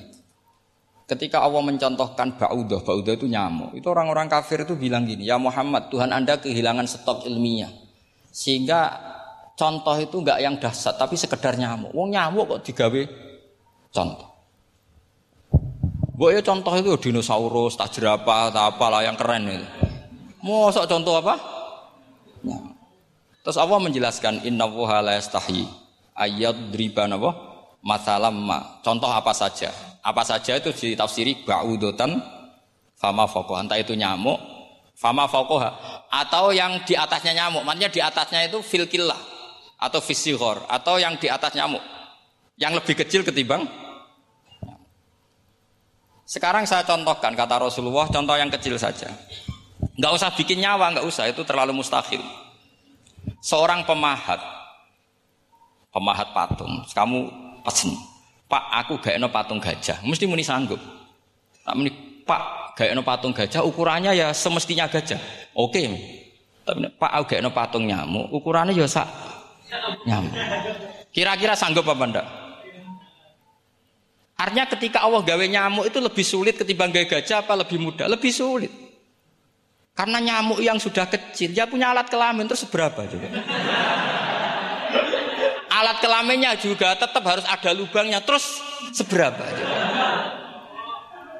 Temen saya malah ada yang cangkem elek bilang gini, lalu ya punya kuman, kumannya seberapa? Nah ini pentingnya ngaji akal. Kamu jangan hanya bilang, wow dinosaurus, jerapah. Seru nyamuk.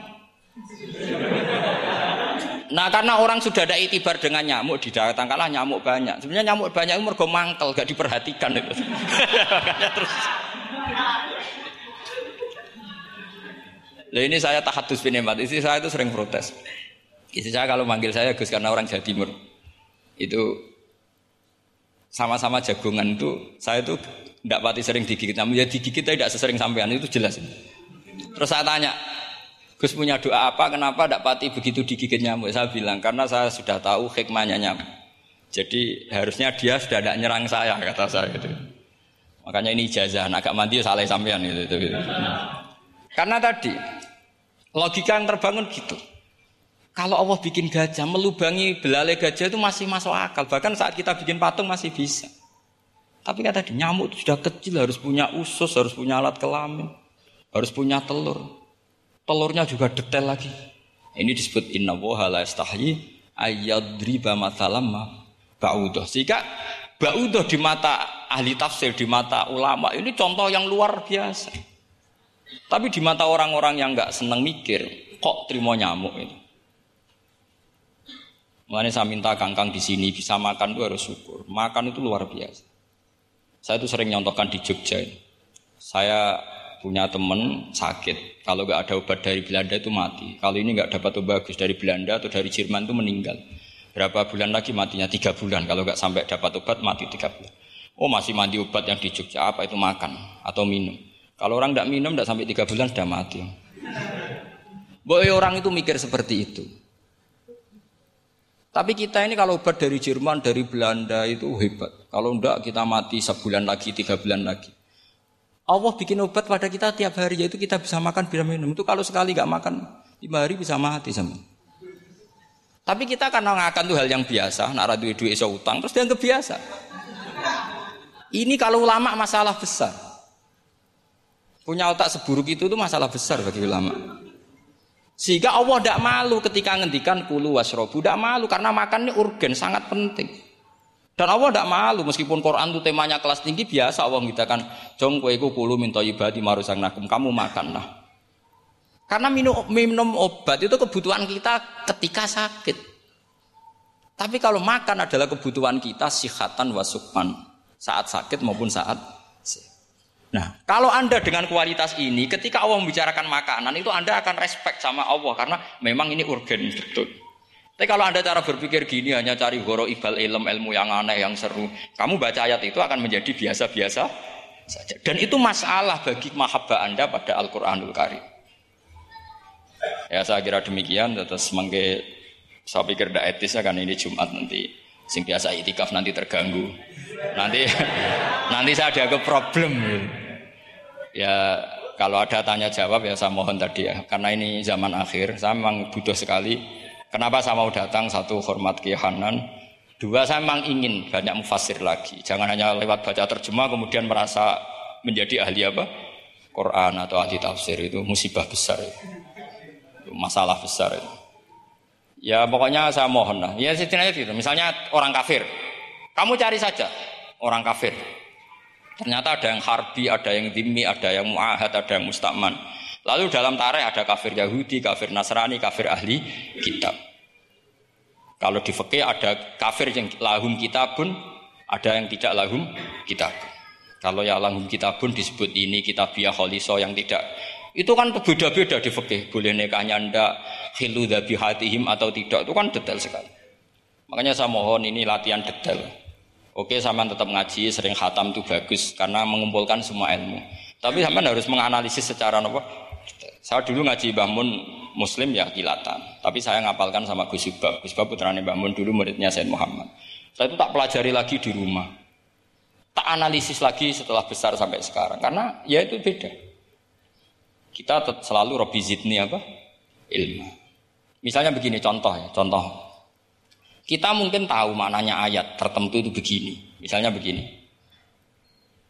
Fakula lahu qawlal layyinal la'allahu yatadzakkaru aw yakhsha. Musa dan Harun, jika kamu datang ke Fir'aun, maka kalau ngomong, kalau dakwah itu kaulal layinan, dengan dakwah yang halus. Ya, kaulal layinan. Ini bagi yang ekstremis harus baca dialek ini. Ini kisah nyata yang diceritakan Habib Zain bin Semit ketika ngarang Alman Haji Sawi. Juga diulang-ulang di beberapa kitab. Suatu saat ada ustadz, corong Jawa kemelinti. Datang ke Harun Ar-Rasyid. Harun Ar-Rasyid ini Banil Abbas, termasuk zurianya Abdullah bin Abbas. Karena Harun Rasyid sebagai khalifah tentu salahnya banyak. Namanya pejabat pasti salahnya banyak. Meskipun kebaikannya juga banyak, tapi salahnya juga banyak. Kalau kita kan tidak pejabat, salahnya tidak banyak, tapi prestasinya juga tidak banyak. Ya kan misalnya ada tamu Raja Salman katanya hormat tamu wajib, kamu kan tidak bisa hormat. Karena dia juga tidak mau dihormati kita kan. Nah terus si Ustadz tadi datang begini. Saya itu masih hafal teksnya. Ya Amirul Mukminin, ini nasihun lak famusyaddidun alaika fala tajidanna ala nafsika fi nafsika aliyah Saya ini mau nasihati Anda, tapi saya maaf sekali karena nasihat saya ini kasar sekali. Musyaddid itu kasar, keras. Fala tajidan nafi nafsi ka alias Saya mohon jangan dimasukkan hati lah. Makanya terjemah bebasnya jangan masukkan hati. Katanya Harun Rasul langsung marah. Uskut ya jahil. Kamu itu ustadz bodoh.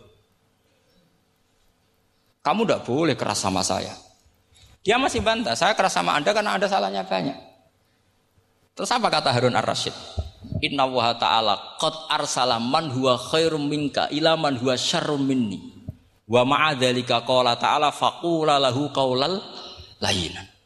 Allah mengutus orang yang jelas lebih baik ketimbang kamu, yaitu Musa dan Harun. Musa dengan ustadz ini baik mana? Tidak sama jawab saja. Baik Nabi Musa kan? Ilaman huwa syarrun minni. Fir'aun dengan Harun Arasid buruk mana? Buruk Fir'aun. Itu saja masih dengan etika fakula lahu kaulal layinan. Musa dan Harun kamu harus sopan. Tidak wai Fir'aun wajib sopan, tidak wai aku sopan. Nah ini sudah iktibar dari terjemah netral atau terjemah yang datar bahwa Allah ngutus Musa dan Harun ke Fir'aun dan Musa dan Harun diharuskan kaulal layinan. Tapi menjadi energi mafhum yang luar biasa. Nak dakwai Fir'aun wae kaulan layinan, apa mana dakwai podo-podo mu mukmin. Makanya kata Harun Rasid, uskut ya jahil. Inna wa ta'ala qad arsala man huwa khairum minka ila man huwa sarun minni. Wa ma'adzalika qala ta'ala faqula lahu qaulal layin. Ya, saya kira demikian saya kembalikan ke moderator.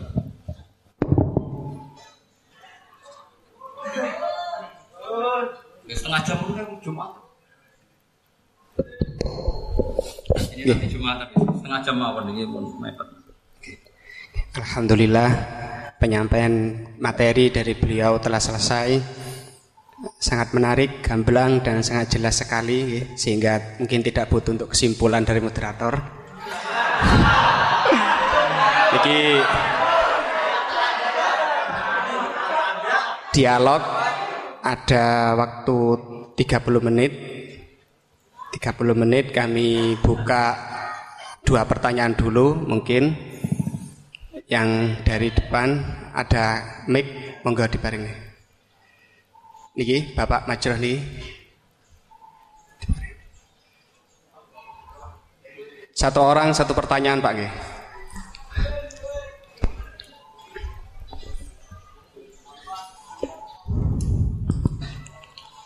Terima kasih waktunya uh, kepada Kiai Ahmad Bahauddin Nur Salim. Saya mau bertanya mengenai tadi yang disampaikan bahwa setiap umumul Quran pasti ada mukhasisnya.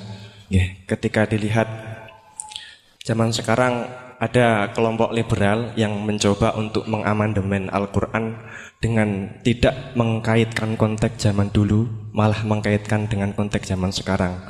Ambil contoh dalam permasalahan ibadah haji, mereka ingin merubah haji wukufnya nggak cuma di bulan Dzulhijjah tetapi di bulan Syawal pun juga boleh. Nah, jadi sudut pandang panjenengan gimana masalah apakah memang bisa universalit apa keuniversalan Al-Quran itu pada zaman sekarang dibuat sesuai konteks sekarang.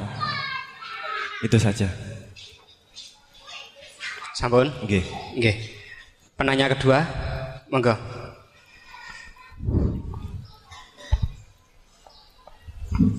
Assalamualaikum warahmatullahi wabarakatuh. Waalaikumsalam. Uh, Dematang Yai, ini ada pertanyaan tentang penafsiran Al-Quran berdasarkan ilmu sains. Uh, untuk abad sekarang kita mengenal teori ledakan besar yang sudah sangat populer. Namun walau demikian ilmu ini masih dalam bentuk zon yang wakilnya hakikatnya kita belum tentu kita belum tahu dan belum belum belum yakin secara pasti.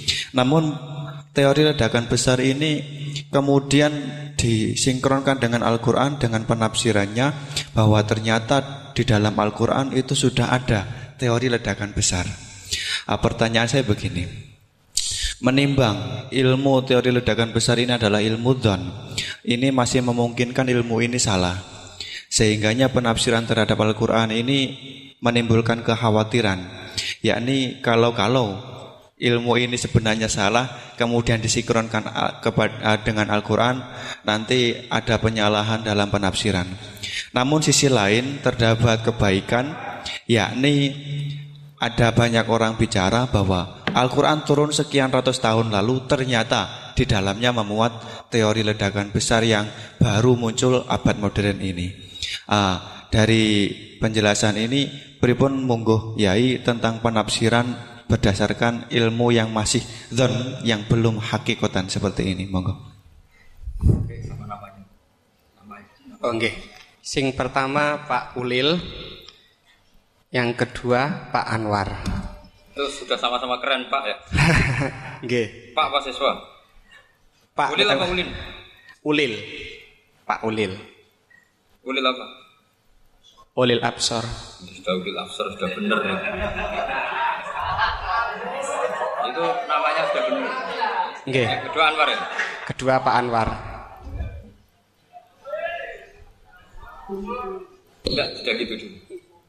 Cekap dua dulu. Sing pertama mungkin nek anu jenengan niki pertanyaan yang pertama apakah keumuman Al-Qur'an bisa ditaksis sesuai konteks sekarang? Konteks sekarang kekinian niki. Itu pertanyaan yang pertama. Pertanyaan yang kedua, kejadian sains yang sesuai dengan sains ilmu sains niku apa bisa juga dibenarkan ditafsirkan ke Al-Qur'an. Mengingat uh, ilmuwan-ilmuwan sains sekarang mengatakan bahwa Al-Qur'an itu banyak yang sesuai dengan sains akhir-akhir ini. Nah, seperti ledakan besar niku kalau diarahkan ke Al-Qur'an apa memang sen itu sebenar-benarnya persis dengan Al-Quran atau masih ada kemungkinan nggak sama? Apa Al-Quran? Buatan apa belum? Tapi apa juz 30? Nggak betul. Enggak. Ya. Iya. Ini rileks saja ya. Memang saya ulang lagi. Memang syaratnya itu hafal Quran tadi. Enggak karena begini, saya berkali-kali berdebat sama orang-orang liberal. Sekarang saya tanya, mereka kan sen senang sekali ya mengutip ayat la ikrohan bahwa dalam agama itu tidak perlu pemaksaan. Sebetulnya ayat itu jelas ada terusannya kot tabayyana rusdu minal ghai. Yang benar tentu begitu jelas. Terpisah betul begitu jelas, yang benar ya benar, yang salah ya salah. Sehingga kita tidak perlu memaksa orang misalnya dua ditambah dua itu empat. Terus kamu paksa. Kalau nggak mengatakan empat tak penjara itu tidak perlu. Kalau orang waras pas bilang dua tambah dua empat. Satu tambah satu dua. Kebenaran la ilaha illallah itu seperti itu. Kebenaran yang begitu nyata sehingga tidak butuh dipaksa. Jadi sebetulnya la ikrafidin itu konteksnya karena kebenaran benar-benar sudah punya eksistensi yang nyata. Untuk diakui itu tidak butuh pemaksaan. Orang seluruh Indonesia kan bilang satu tambah satu itu dua. Gak usah diintimidasi nanti ditangkap Pak Gatot. Gitu. Ya tidak perlu. Makanya terusannya aja. Lah repotnya sekarang santri-santri kalau pidato khitobiah di pondok-pondok ya diputus kayak orang liberal. Lah ikroha fiddin. Itu belum wakaf masih kot tabayyana rusdu minal. Faham yang saya maksudnya? Sehingga kadang Nabi itu ngendikan secara ekstrim. Misalnya mangkola la ilaha illallah dakhalal jannah. Siapa yang meyakini la ilaha nanti pasti masuk surga. Entah kapan pasti masuk surga. Kalau belum ya antri masih tapi pasti.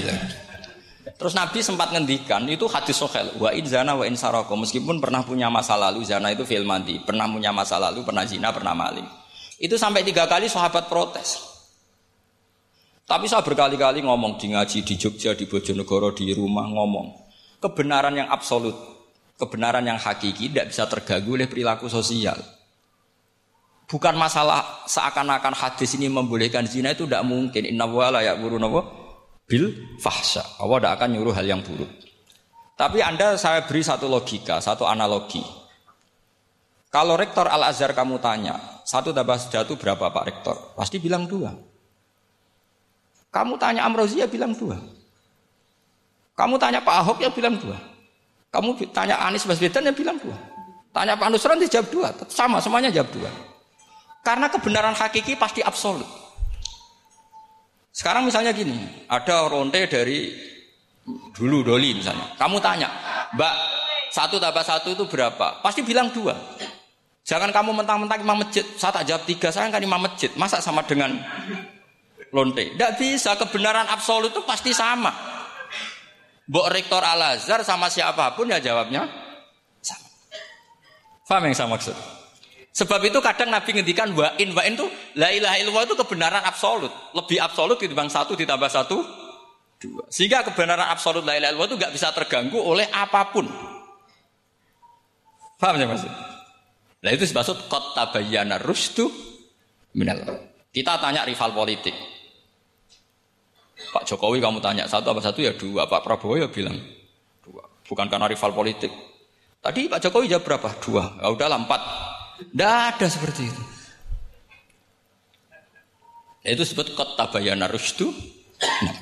Nah kembali ke ide tadi. Ide bahwa wukuf boleh di mana saja terus boleh tidak sawal itu udah ide. Sebenarnya sampean mikir saja itu sudah kriminal. Berarti sampean ngapalkan pikiran salah. Ya. Karena kalau kita diskusikan itu itu lucu sekali karena ya itu sudah Begini loh kaidah khilaf itu. Saya kasih tahu. Walaysa kullu khilafin ja'a mu'tabara illa khilaf alladhi khadzum minan nagari. Tidak semua khilaf itu dianggap satu khilaf, satu perbedaan pendapat. Kalau kualitasnya nggak sama-sama mutu. Kalau yang satu nggak mutu itu nggak dianggap khilaf, nggak level. Itu tadi misalnya Imam Ghazali ngendikan begini, kolal Ghazali gini gini. Pasti saingannya ya kolan Nawawi atau kola Al Qurtubi atau kola siapa lah. Jangan kolal Ghazali terus kamu saingi. Menurut Ustadz dari Solo, dari Jogja, wah ya udah level masa Imam Ghazali disaingi. Itu ya, aturannya seperti itu. Ini jelas. Rasulullah sendiri yang ngendikan al hajju arafah bahwa syarat sahnya haji adalah wukuf dan Nabi menyebut arafah. Tentu kita tidak pernah memperbandingkan apa yang disabdakan Nabi dengan yang jadi pikiran mereka-mereka itu. Kalau mereka alasannya karena orang bergumul di situ, di Mina, di Arafah, gara-gara waktunya sama, titiknya sama, terus terjadi kematian gini-gini gini. Apa yang nggak wukuf di Arafah itu hidup semua. Itu kan kayak dalilnya orang rokok. Rokok mari cepat mati. Oh, sing rokok ya mati. Orang-orang jil juga mati. Orang-orang liberal yang pikirannya katanya ingin menyelamatkan kehidupan juga pada akhirnya mereka mati. Mendingan mati di Arafah keren di tanah suci. Bodoh usah begitu. Sebenarnya begini loh. Mereka itu menjadi salah karena nggak mau ngaji fikih secara serius. Saya itu memang menyesal sekali ya. Kenapa sih orang wukuf itu kok dungani suwira barbar itu memang sakiliane. Boy dungo itu yakin pangeran apian itu tetap dituruti gitu aja gak usah lama-lama. Ya kata hikam kan gitu. no pangeran udah suwi-suwi, sing perlu no sing iso lali. Pangeran iso lali kok amen mbok elingno kan gitu cara madzhab hikam. Makanya kata madhab hikam kan gitu. Wa inna ma yunabbahu man yajuzu alaihil ikhfal. Yang boleh diingatkan yang mungkin lupa. Tapi kalau masih ingat ya sudah sudah tidak usah diingatkan lagi. Doa itu sekali saja. Saya ini termasuk korban kitab hikam. Loh, saya itu berkali-kali ke Mekah. Itu saya kalau dongo itu pertama di multazam berdoa. Itu saya sebagai santri, ya pas di multazam ingin berdoa lagi. Tapi mesti mas, spontan itu ingat hikam. Yang boleh diingatkan, yang mungkin lupa. Akhirnya bilang, ya sudah tadi Gusti, ya gitu dok. Di putaran ketiga bilang, tadi loh Gusti, ya gitu terus. Karena memang saya malu mengingatkan dat yang nggak mungkin lupa.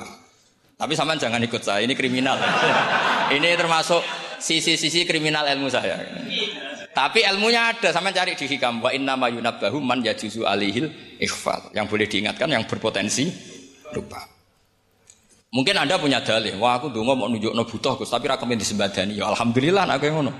Tapi tak pikir makom sampean tidak seperti itu, tetap kepengen disembadani. Lalu pertanyaannya kemudian, kalau kita ngikuti fikih, sebetulnya nggak perlu menumpuk di Arafah, sama cari di takrib, di muin, di semua bab fikih. Wukuf di Arafah itu sah dan tidak perlu muksun. Walau mutarodidan meskipun hanya jalan-jalan. Bahkan di Fatul Mu'in diberi walau lagi walau fitolabi abidin. Moro Arafah mbek golek dhuwit ceblok atau golek. Ngono ya sah. Lu andai kan semua melakukan itu mau ngesif muter saja kan selesai kan. Mari terus dodongkrok di situ lama-lama. Iya enggak? Zaman Fatul Mu'in dihentikan walau mutarodidan lewat tok itu sudah sah. Bahkan walau fitola biabikan meskipun tidak punya niat wukuf. Pokoknya ke situ, ya sudah nyari-nyari apa. Sing mari menumpuk gara-gara semua itu ingin ideal. Wah mumpung di Arafah, ngentekno Tegal, ngentekno sawah. Wah sudah. Makanya kalau haji itu sama orang yang ngedol Tegal mesti seru. Wah itu nangis. Haji be orang alim atau orang KBIH gak iso nangis karena malah badi kan dia kan nggak pati iso nangis mesti itu. Nah ini kan, nah ini penting saya utarakan. Jadi andikan orang itu ya haji kayak orang-orang alim. Setahu saya orang-orang alim kalau haji ya biasa saja, sekadarnya. Karena ya dia tahu ini masalah karena nanti gagu yang lain, sekadar. Karena kita ini berlebihan. Akhirnya menumpuk di situ. Padahal fakih zaman dulu sudah mengatakan walau mutarodidan fitolabi abikin. Jelas itu takbir. Masih ingat atau jangan takbir itu? Harus ingat kalau. Jadi ini kan problem kita lagi-lagi tidak hafal. Kita tidak menguasai ngotok fakih. Saya dulu sinafatul mu'in, makanya Gus Zofur itu cerita, kita ini hidup, Gus Zofur sering cerita ke saya, kita ini hidup berkah. Zaman saya jenengan itu rata-rata teman-teman Fatul Mu'in itu setengah hafal iana. Ya karena kompetitornya ya baik, peminatnya ya baik. Dulu saking senengnya Gus Naji sama ilmu itu beliau pernah ikut Fatul Mu'in era saya. Padahal sudah dari Mekah lama. Saking senengnya ilmu. Jadi kita dulu biasa diskusi dengan Gus Naji, dengan Gus Zufur. Karena saking senengnya ilmu. Itu tadi. Karena memang ilmu itu asik. Tapi kita ini belajar fikih itu tidak seperti itu. Kita sudah kayak ya sudah sudah kayak orang-orang yang nggak nggak mau fikih. Wong nak dongo ning Arafah gini-gini terus ya hanya gitu-gitu dok. Tidak mikir kalau ganggu orang lain itu begini gue gak dimikir. Itu satu. Jadi menurut saya sampai jangan pernah terlintas bahwa pendapat jil atau apa saja itu pendapat. Walaysa kullu khilafin ja'a mu'tabaro illa khilafal ladzi minan nadhari. Tidak semua khilaf itu kita hitung khilaf kecuali yang kualitasnya sama. Kecuali begini kualitasnya agak sama. Misalnya sholat jenazah. Sholat jenazah itu trennya kan mayat di depan, terus imamnya itu di belakang. Nah itu boleh, ada ulama mengatakan nggak apa-apa sholat jenazah jenazahnya di depan mayat imamnya di apa jenazahnya di belakang imamnya di depan meskipun itu tidak lazim tapi masih masuk akal itu tadi fa'inal jenazah laisat zilatil imam piye jenazah ora imam wajib kok ngarep alasannya apa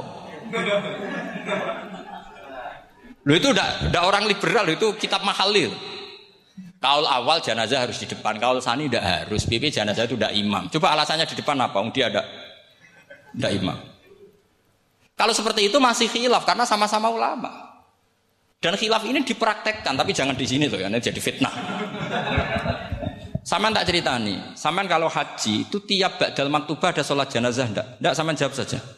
Yang pernah haji, tiap tiap maktubah kan ada sholat jenazah. Itu jenazahnya di depan apa di kamar mayat? Itu bukan goib loh, orangnya masih belum dikubur. Enggak sama jawab saja. Di kamar mayat, tidak tidak semuanya dibawa ke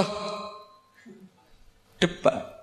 Artinya ada konteks tertentu, mungkin kauliku yono gunane dalam konteks Mekah karena orangnya banyak sibuk prakober gawa apa? Jenazah. Tapi nak dalam konteks Indonesia ya suul adab.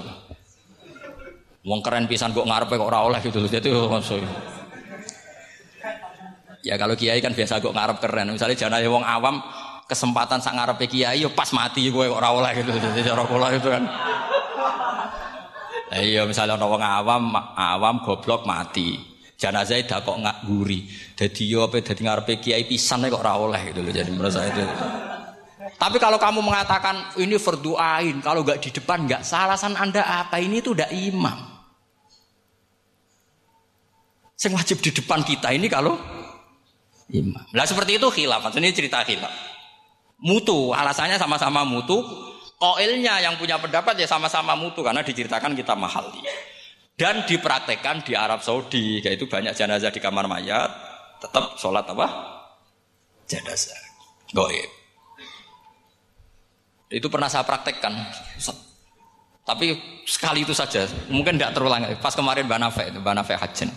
Banafe itu dekat jenazah itu tidak mungkin, banyak sekali. Gak sholat itu bengi-bengi tak ini nganti jam loro. Dan saya akrab sama beliau sering guyon sama saya. Sebelum meninggal tuh berkali-kali ya memang masih keluarga sama saya jadi sering guyon. Dulu sering guyon sama saya. Ya aku sebenarnya tenanan ini ini ya, sering ngandani ngandani saya. Gitu. Saya nggak ngira kalau mau wafat. Akhirnya saya itu ke masjid sama anak saya namanya Hasan. Aku nyelati Banafe. Pak kok nggak di depannya? Ya sudah ini darurat. Karena nggak mungkin mendekat beliau. Jadi ya itu tadi buktinya sholat goib. Sholat goib juga misalnya orang kediri boleh nggak nyolati orang yang mati di NTT yang lebih timur boleh nggak? Boleh. Padahal mayatnya di belakang karena memang tidak imam. Lah kalau seperti itu khilaf, ini cerita kalau seperti itu khilaf meskipun agak-agak kontroversi tapi kualitasnya masih waras lah, masih bagus. Sama kalau nggak percaya cari di mahal di bab jenazah. Kalau mahalnya ada ada di Kolyubi tadi jelas saya yakin itu ada. Saya tidak donan yakin ya. Kalau nu mulang, ya mulang terus tidak punya masalah ingatan. Jadi ingat betul kalau takbir itu ada gitu. Jadi saya ingat betul kalau takbir itu ada. Nah terus pertanyaan kedua dari Kang Anwar tadi itu memang problem ya. Tapi itu bisa diatasi lewat seni menulis. Biasanya kalau seorang penulis, apalagi di Indonesia itu kan gampang sekali kalau kata itu bisa bias atau majas, kan bisa dikasih tanda kutip. Dikasih tanda apa? Kutip. Itu memang nyata ya. Saya pernah berdebat berkali-kali lah. Saya kan satu tim ya dengan Pak Zeni, dia seorang profesor, juga pernah tanya Gus Wafi, putrani Mbah Mun saat di Syria. Zaman itu saya Abdul Al-Buti masih hidup. Saya itu punya komunitas dokter. Ini cerita nyata ya. Yang dia tanya gini, Pak Bahak, kita-kita ini ahli embriologi. Dan tidak pernah ada ceritanya ada segumpal darah dalam proses embriologi. Yang ada itu sekian zigot yang berhasil nempel di dinding rahim itu nanti yang jadi janin. Jadi kalau kita ngaji ada segumpal darah itu menjadi aneh bagi kita. Karena proses itu tidak ada. Ya saya jawab ya enteng saja. Ya kan yang bilang segumpal darah itu kiai kan tidak Quran.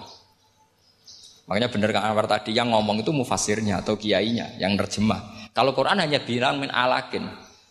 Iqra bismi rabbikal ladzi khalaq khalaqal insana min alaq. Alaq itu kan dari kata alaqo ya'liku alaqon, sesuatu yang nempel itu namanya alaqo. Makanya di Alfiyah ada wa ulqatun hasilatun ulqah itu sesuatu yang terkait atau yang menem menempel. Sehingga ya ya ya pokoknya kalau alak itu artinya tidak harus segumpal darah, bisa sesuatu yang menempel. Sama cari di kamus, dicari sama dia kamus.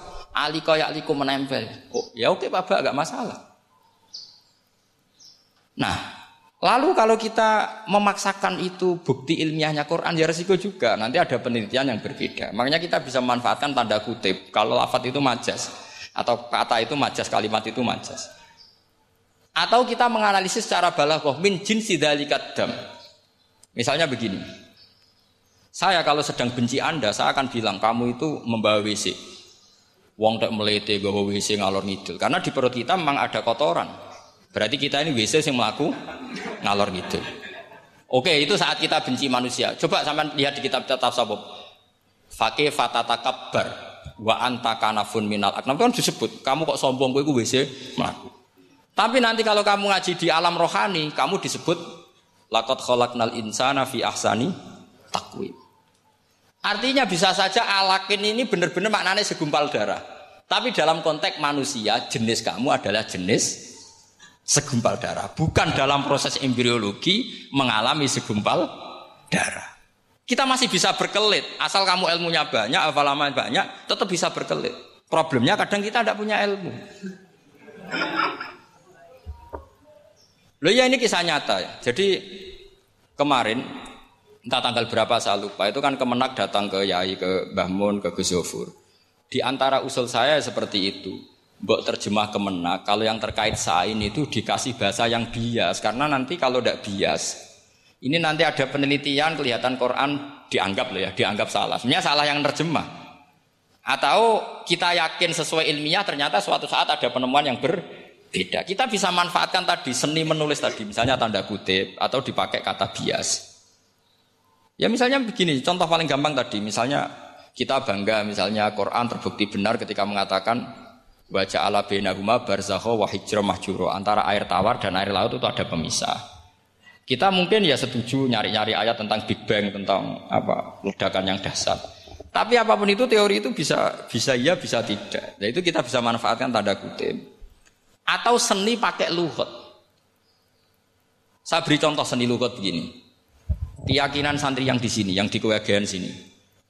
makhluk itu yang terkenal kan tiga, manusia, jin, terus setan.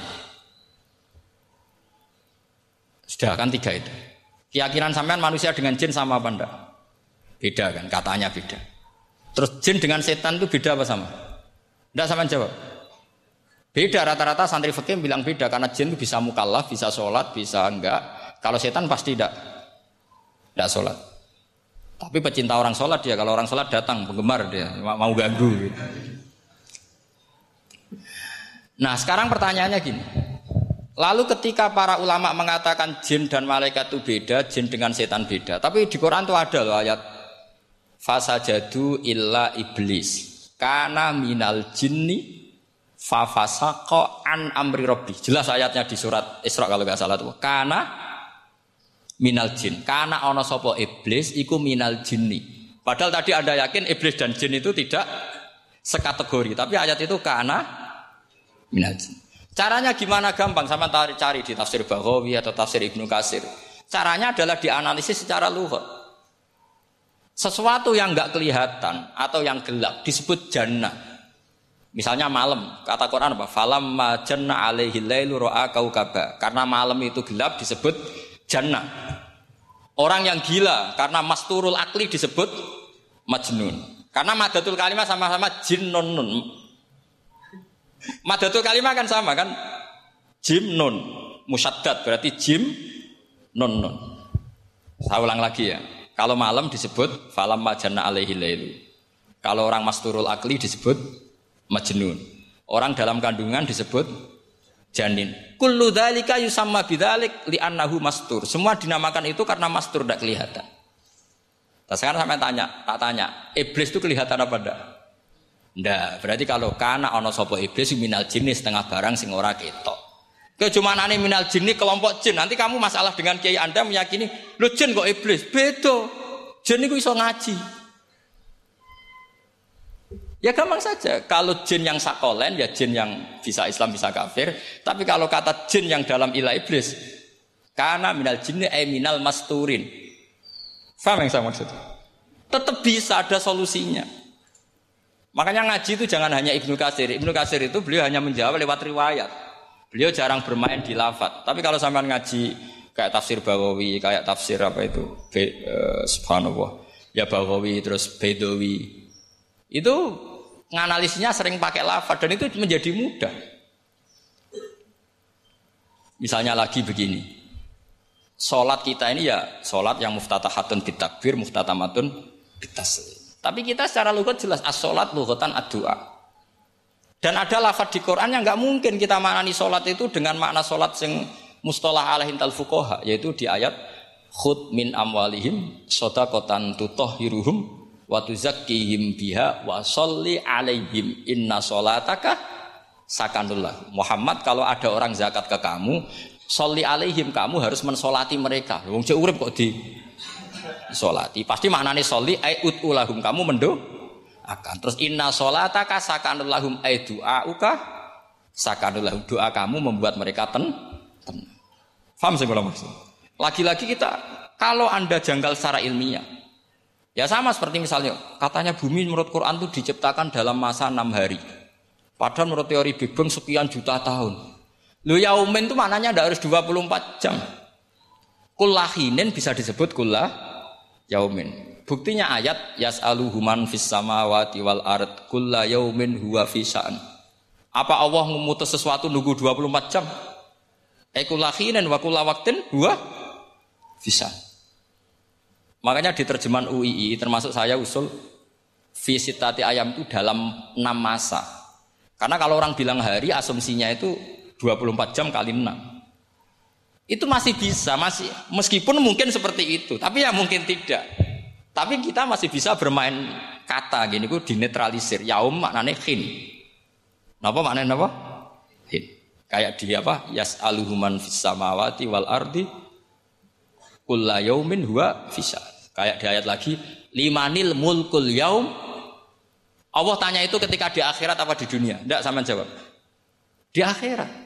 Ketika nanti di akhirat Allah tanya, liman iku kedua sopo al mulku te kerajaan al yoma, limanil mulkul yaum lillahil wahidil fa inna fil akhirah laisa hunaka yaumun wala hunaka sa'a wala hunaka misalnya arbaun wa isruna sa.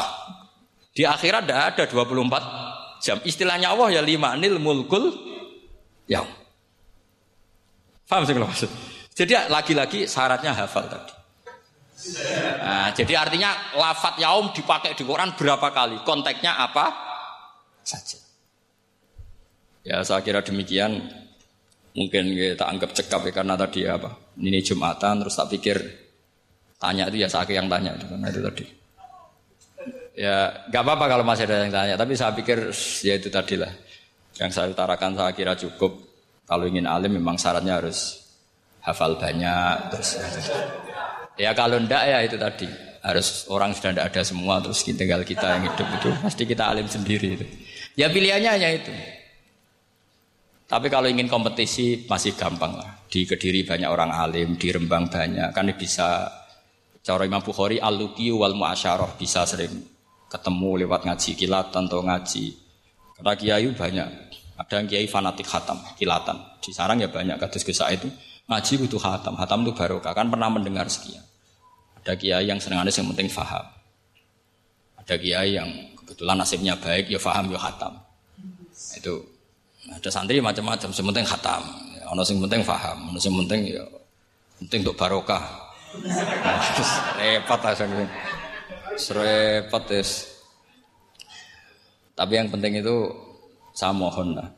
Kalau orang lain tahu Quran lewat terjemah kita, kalau bisa jangan. Kita ini ngaji jalalain, ngaji tafsir sawi, ngaji macam-macam. Saya itu kalau sinau tafsir itu tak ulang-ulang. Saya itu sampai lupa khatam jalan berapa kali itu sampai lupa. Karena itu tadi, setiap saya baca, pasti nanti analisisnya beda. Tadi misalnya, oh budu robakum. Kalau dalam konteks orang kafir jelas wahidu robakum. Karena mereka masih melakukan isyrok. Tapi kalau orang Islam dibilang, cong kamu ibadah, eh dawimu alal ibadah. Karena sudah Islam. Itu Imam Suyuti tidak konsisten. Tidak konsistennya karena beliau orang alim. Ya Yohanes kadang ditafsiri ahla Makkah. Memang saat itu konteksnya Makkah. Tapi dalam konteks Islam tentu wama arsalna ka ilaka fatal lidasi basyiro Itu kan ulama. Kalau ingat asbabun nuzul ya Yohanes jelas ahla Makkah. Tapi kalau ingat umumul Quran nas ya kulan nas bukan harus ahla apa? Makkah. Makanya ada fi tafsirin ola ahla Makkah. Wa fi tafsirin akhir dia bilang ayan nas. Ini yang mengulang-ulang akan paham karena konteksnya Konteksnya apa? Beda. Lagi-lagi ya tadi harus hafal. Ayuhan Nas dipakai Quran berapa kali? Konteksnya apa saja? Makanya Ibnu Abbas ketika ditanya bagaimana perbedaan ayat Makiyah dan Madaniyah, beliau enteng jawab, biasanya kalau surat Makiyah dimulai ya ayuhan Nas karena mereka zaman itu masih kafir belum berstatus mukmin. Kalau di Madinah rata-rata khitab sudah ya ayyuhalladzina amanu karena di Madinah mayoritas sudah mukmin. Tetap memanfaatkan proses dialek dan itu mudah. Memang kalau kita neliti terus mudah. Mana mudah itu tidak sulit. Ya memang Nabi begitu. Lu kalau hafal hadis, nanti akan ngomong seperti saya. Lu itu otomatis. Mestinya begini, Nabi itu ditanya, Ya Rasulullah, Dulani ala amalin gini-gini terus terakhir dia ya khilunil jannah yang bisa masukkan saya ke surga. Nabi jawabnya itu, Inna dalika yasir, itu gampang. Tapi terusannya yang nggak nguati alaman ya wah. Oh, itu gampang dong bagi uang sing digampang no pangeran. Orang kata Nabi, wah ini sulit, tidak semua orang masuk surga. Nabi jawabnya, inna dalika yasir itu gampang. Tapi terusannya alaman ya wah. Ya mengen Quran adatnya ya gitu. Inna dalika ala yasir. Ya itu gampang. Bukan berarti kita nyepelek non ndak, memang ya itu tadi. Sesuatu sulit itu kalau kita tidak tahu rumusnya, sebenarnya kita tahu, cuma tidak mau. Sama tahu kalau rumusnya ingin alim tafsir harus hafal Quran, hafal hadis, pernah ngaji etkon, ngaji ini. Tahu, tapi kan nggak mau. Akhirnya mau takut dok, caranya ngalim dia Gus. Pastinya ngerti, nak caranya itu ngerti. Gelemnya sing raga. Nah, itu kan gitu. Ini kebetulan kenyek kan ngomong fakta on biasa mawon, betul betul betul kenyek. Ya seperti kamu mau ke Jakarta kan jauh, tapi tetap gampang caranya beli tiket gini-gini ya kan kan. Ya kalau ingin alim tafsir satu hafal Quran, dua minimal setengah hafal jalalain. Nanti kalau jalalain janggal, kamu ngaji sawi karena banyak juga jalalain yang diprotes sama Imam Sawi dikritik itu kan wajar ya Sarah itu hanya membenarkan yang di mata ada masalah takrib kurang barokah ya ada beberapa yang dibenarkan Sarah. Kayak takrib ngendikan mabit bimina sunat apa wajib kalau di kitab Fathul Qorib. Sunat, di Sarah dibenarkan kalau yang benar itu wajib. Takrib bilang sholat jamaah itu sunat muakadah, di Sarah dibenarkan itu fardu kifayah. Ya sama di jalanan kadang ada masalah seperti itu.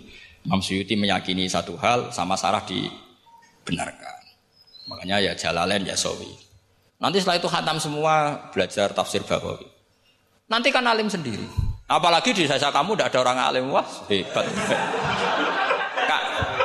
Oh, kamu jangan hidup di sarang, di Lirboyo, di daerah-daerah, jangan hidup di Kuagen, nyari daerah yang aman. aman dari kontrol. Tapi yang jelas itu jawab dulu mudah. Kalau kamu menjawab sulit, kualat neraka semua. Lihat bagaimanapun Quran disifati Allah walaqad yassarnal Qur'ana lidzikri fahal mimudakir. Makanya saya tadi ngomong, kalau Anda hafal seperti saya, pasti cara ngomong kayak saya. Kita mau ngomong Quran sulit tidak mungkin. Kita ini ingat kalau Allah mensifati Quran walaqad yassarnal Qur'ana. Fakaifa wasafahu wa bil yusri wa anta taqulu bil usri. Bagaimana Allah mengatakan yusrun kemudian Anda mengatakan usr. Rokok sama bantah-bantah pangeran.